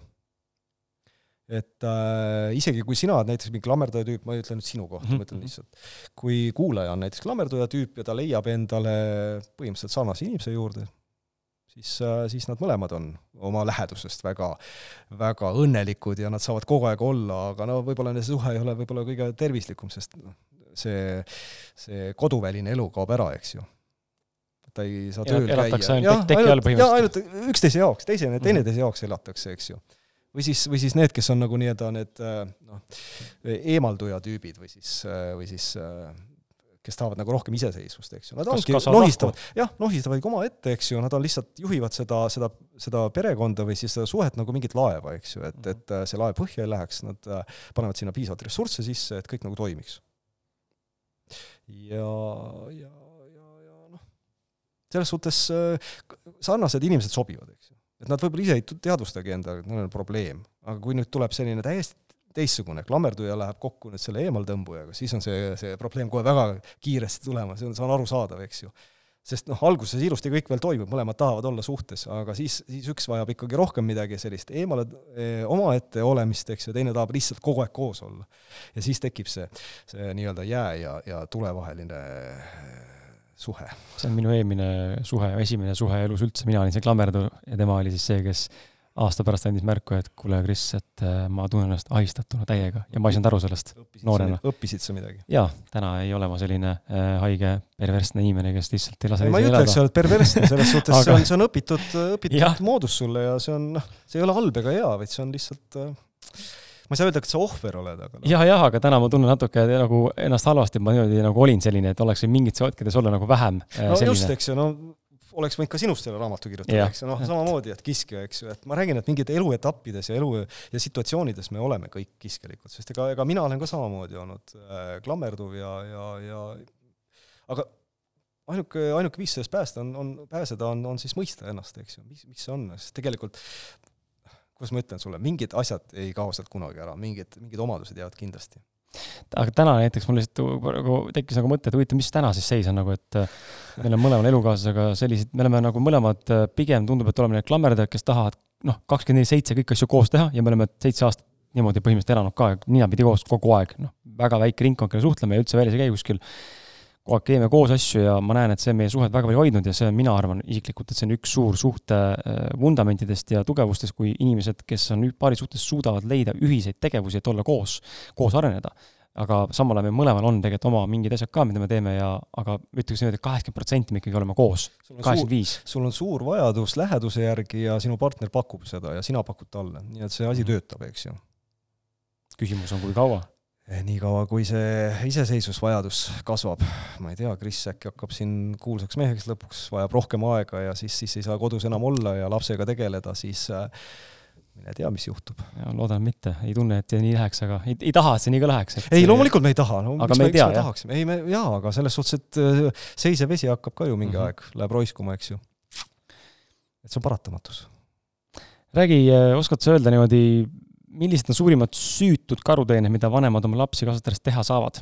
noh, natukene siin põgust sai puudutada küll seda, aga mm -hmm. äkki oskad välja tuua mõned üksikud? süütu pigem see, et mis nagu tundub tavaline, tavapärane no,, eks ju. et ma, ma, ma pragan, pragan oma lapsega, eks mis ju. ikka teeb talle? panen nurka, annan vitsu, ma ei tea, noh, need on nagu süütud, sellepärast et neid on kogu aeg tehtud. viimasel ajal muidugi on see teadlikkus ju paranenud palju, päris palju, et see noh, füüsiline väärkohtlemine, eks ju, lapse suhtes. no kujuta ette tegelikult, pane ennast lapse olukorda ta on ju, ma ei tea, põlvepikkune või, või sinu vööni, eks ju, siis tuleb mingi selline mäekoll tuleb talle kallale.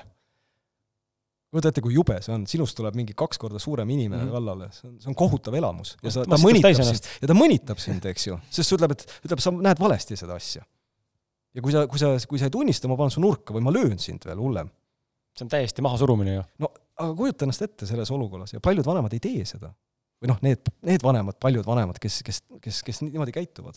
ma olen isegi mõelnud seda, see nagu tuleb alateadlikult sisse, kui ma last näiteks kõditan voodis ja siis äh, ma olen ta nagu nii-öelda täi-, noh, täiesti all kinnini mul nii-öelda, on ju.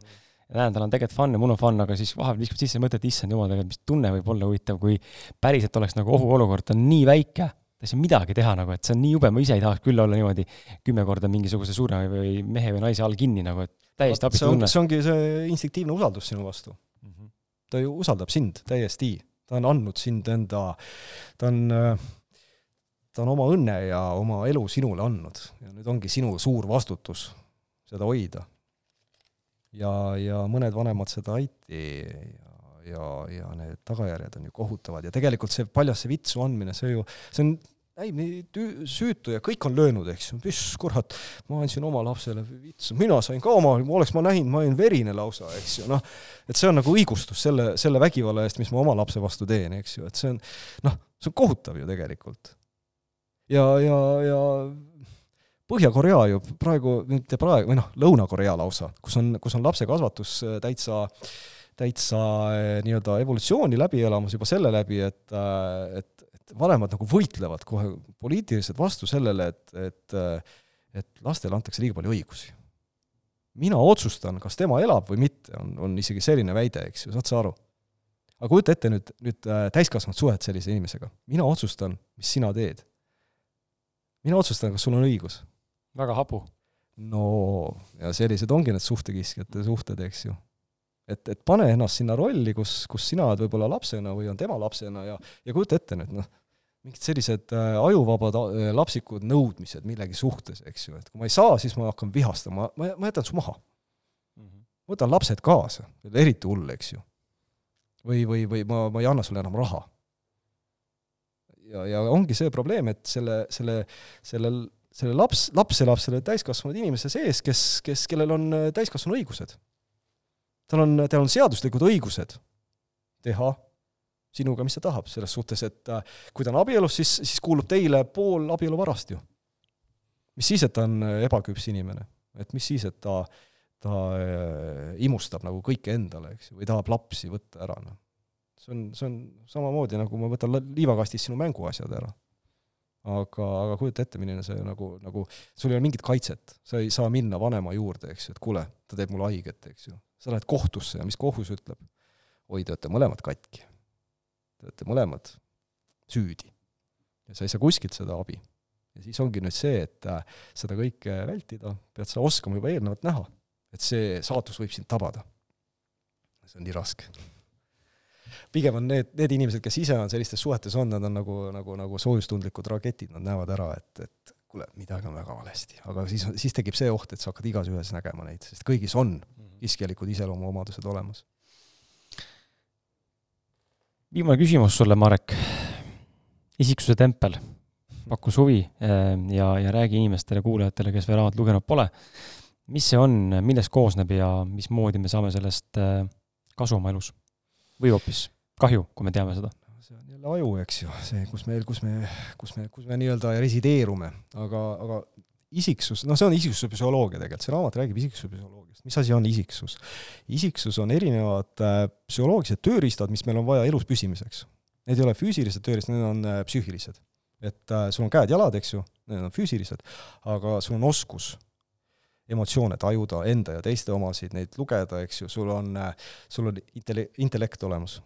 noh, sul on olemas mõttevõime, sul on võimas analüüsivõime, need on kõik kõik äh, isiksuse tööriistad, need ongi isiksuse vältimatud äh, ja, ja, ja lahutamatud koostisosad. ja kui mõni nendest on nüüd äh, ligadi-logadi, siis ilmselgelt on see, see maailmpilt väga kaldus. ja, ja, ja nüüd põhimõtteliselt me saame nüüd isiksuse tempel kui selline aju, eks ju, inim-, peaaju, räägin peaajust, mitte siis seljaajust, aga peaaju ja närvisüsteem kui selline, et et, et, et me saame tegelikult näpuga lausa näidata praegu, mis, mis ajuosa stimuleerib vastavat käitumist. et äh, miks me võib-olla oleme klammerduvad, miks me oleme eemaltõmbuvad. praegu ajuteadust nii kaugel veel ei ole, et seda saaks täitsa väita, eks ju, või seda, ma ei tea, medikamentidega ravida, noh, kujuta ette, sa oled klammerduv, võta seda tab-, pilli, eks ju, kohe kõik on lahendatud. noh, aga kujuta ette, milline, milline muutus selle isiksuse suhtes kõik see, mis sa oled senini tõeks pidanud, kõik muutub ju naljaks ühel hetkel. et, et see on nagu selline jumala tööriist, mida, mida, millega peab väga ettevaatlikult ümber käima, inimese aju.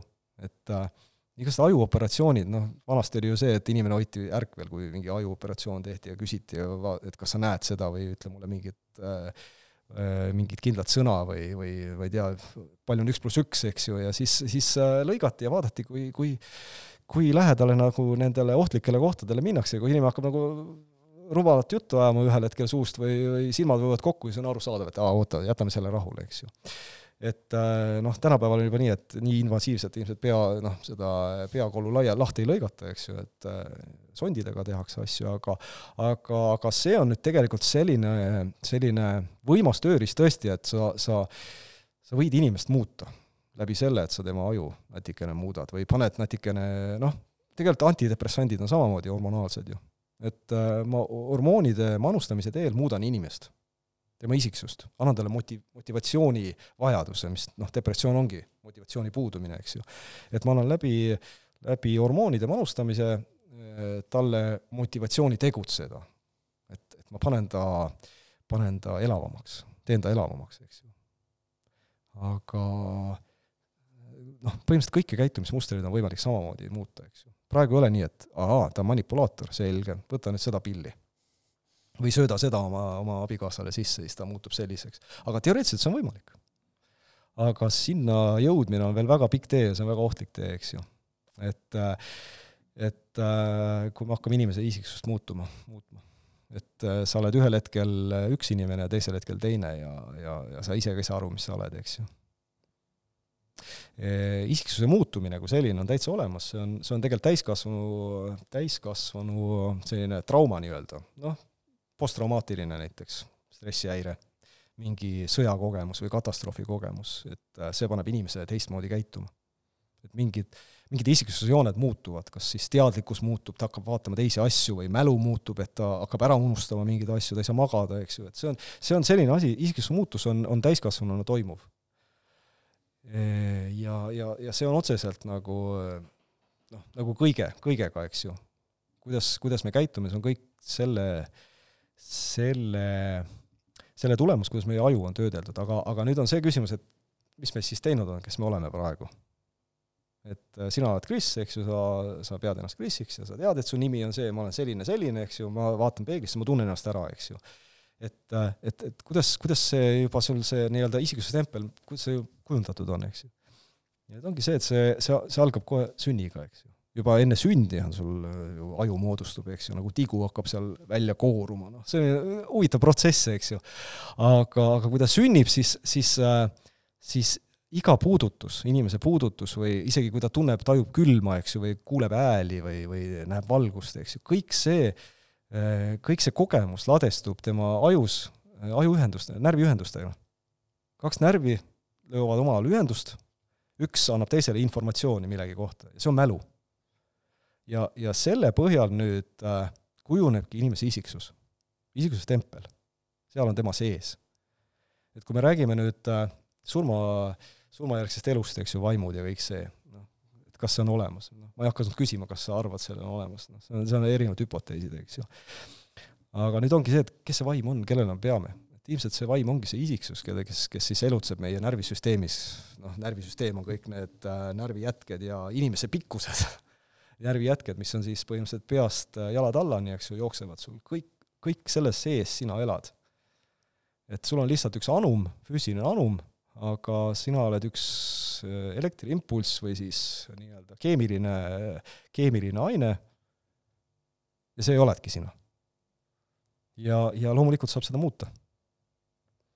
et, et nüüd me jõuame siis selle teema juurde, et kas meil on lõpuks vaja mingi saja aasta pärast psühholooge ja terapeute, et saame võib-olla neid asju ravida kõiki ju medikamentide, tablettidega see, see, see võib olla, aga et sinna jõuda, on jälle meil vaja natsimentaliteeti, meil on vaja võib-olla veel sellist äh, ägedat presidenti, kes ütleb, et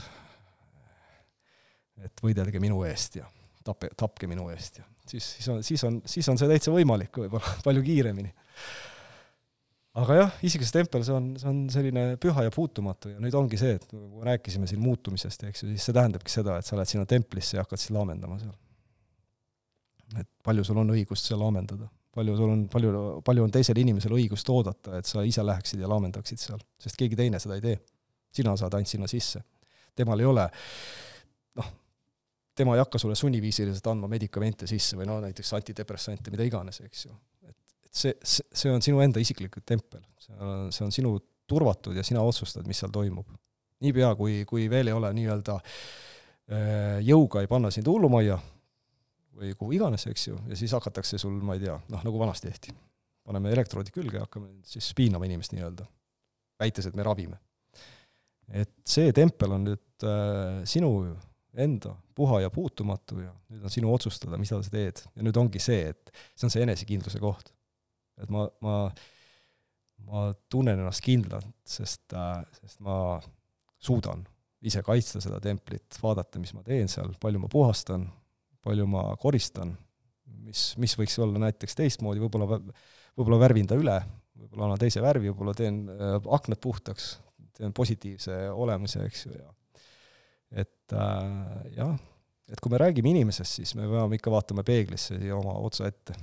ja, ja see on niisugune tempel ja nüüd ongi, jõudsime vist lõpuni kohale, et, et, et mis see tähendab, muutumine. tähendabki see, et et palju sa, palju sa lubad seal ümber tõsta asju? Äh, jaa, äh, aitäh sulle. aitäh sulle, sest et äh, põnev oli. Ähm, rohkem küsimusi sult ei küsi ja minu arust oli väga huvitav kuulamine ja vestlus sinuga, loodan, et kuulajal oli ka huvitav kuulata, sest et mm, ma, ma isegi ei tea, mida ma arvasin, mis meil tänase vestlusest tuleb, aga see ei olnud see, mida ma arvasin, nii palju ma saan küll öelda. no ilmselt see oli siis parem, eks ju kõvasti parem, mitte, mitte ma oleks olnud skeptiline, aga, aga kõvasti parem ja ja, ja selles mõttes ma loodan, et äh, kuulaja kuulas tähelepanelikult ja, ja mõtles kaasa ja konspekteeris kaasa, sest et äh, häid mõtteid oli palju ja, ja tegelikult äh, Marek, sul on oskus, sul on oskus rääkida nagu selles mõttes tõsistest ja ütleme, võib-olla mõne inimese jaoks ka keerulisematest asjadest, millele, mida ise ei osata sõnastada lihtsalt ja maainimese keeles niimoodi, et noh, piltlikult öeldes iga mats saab aru ja ära nüüd jumala ees kuulaja solu, ma nimetan siin matsiks, vaid ülekantud tähendus, et saaksid aru, mida ma mõtlesin oma mõttega.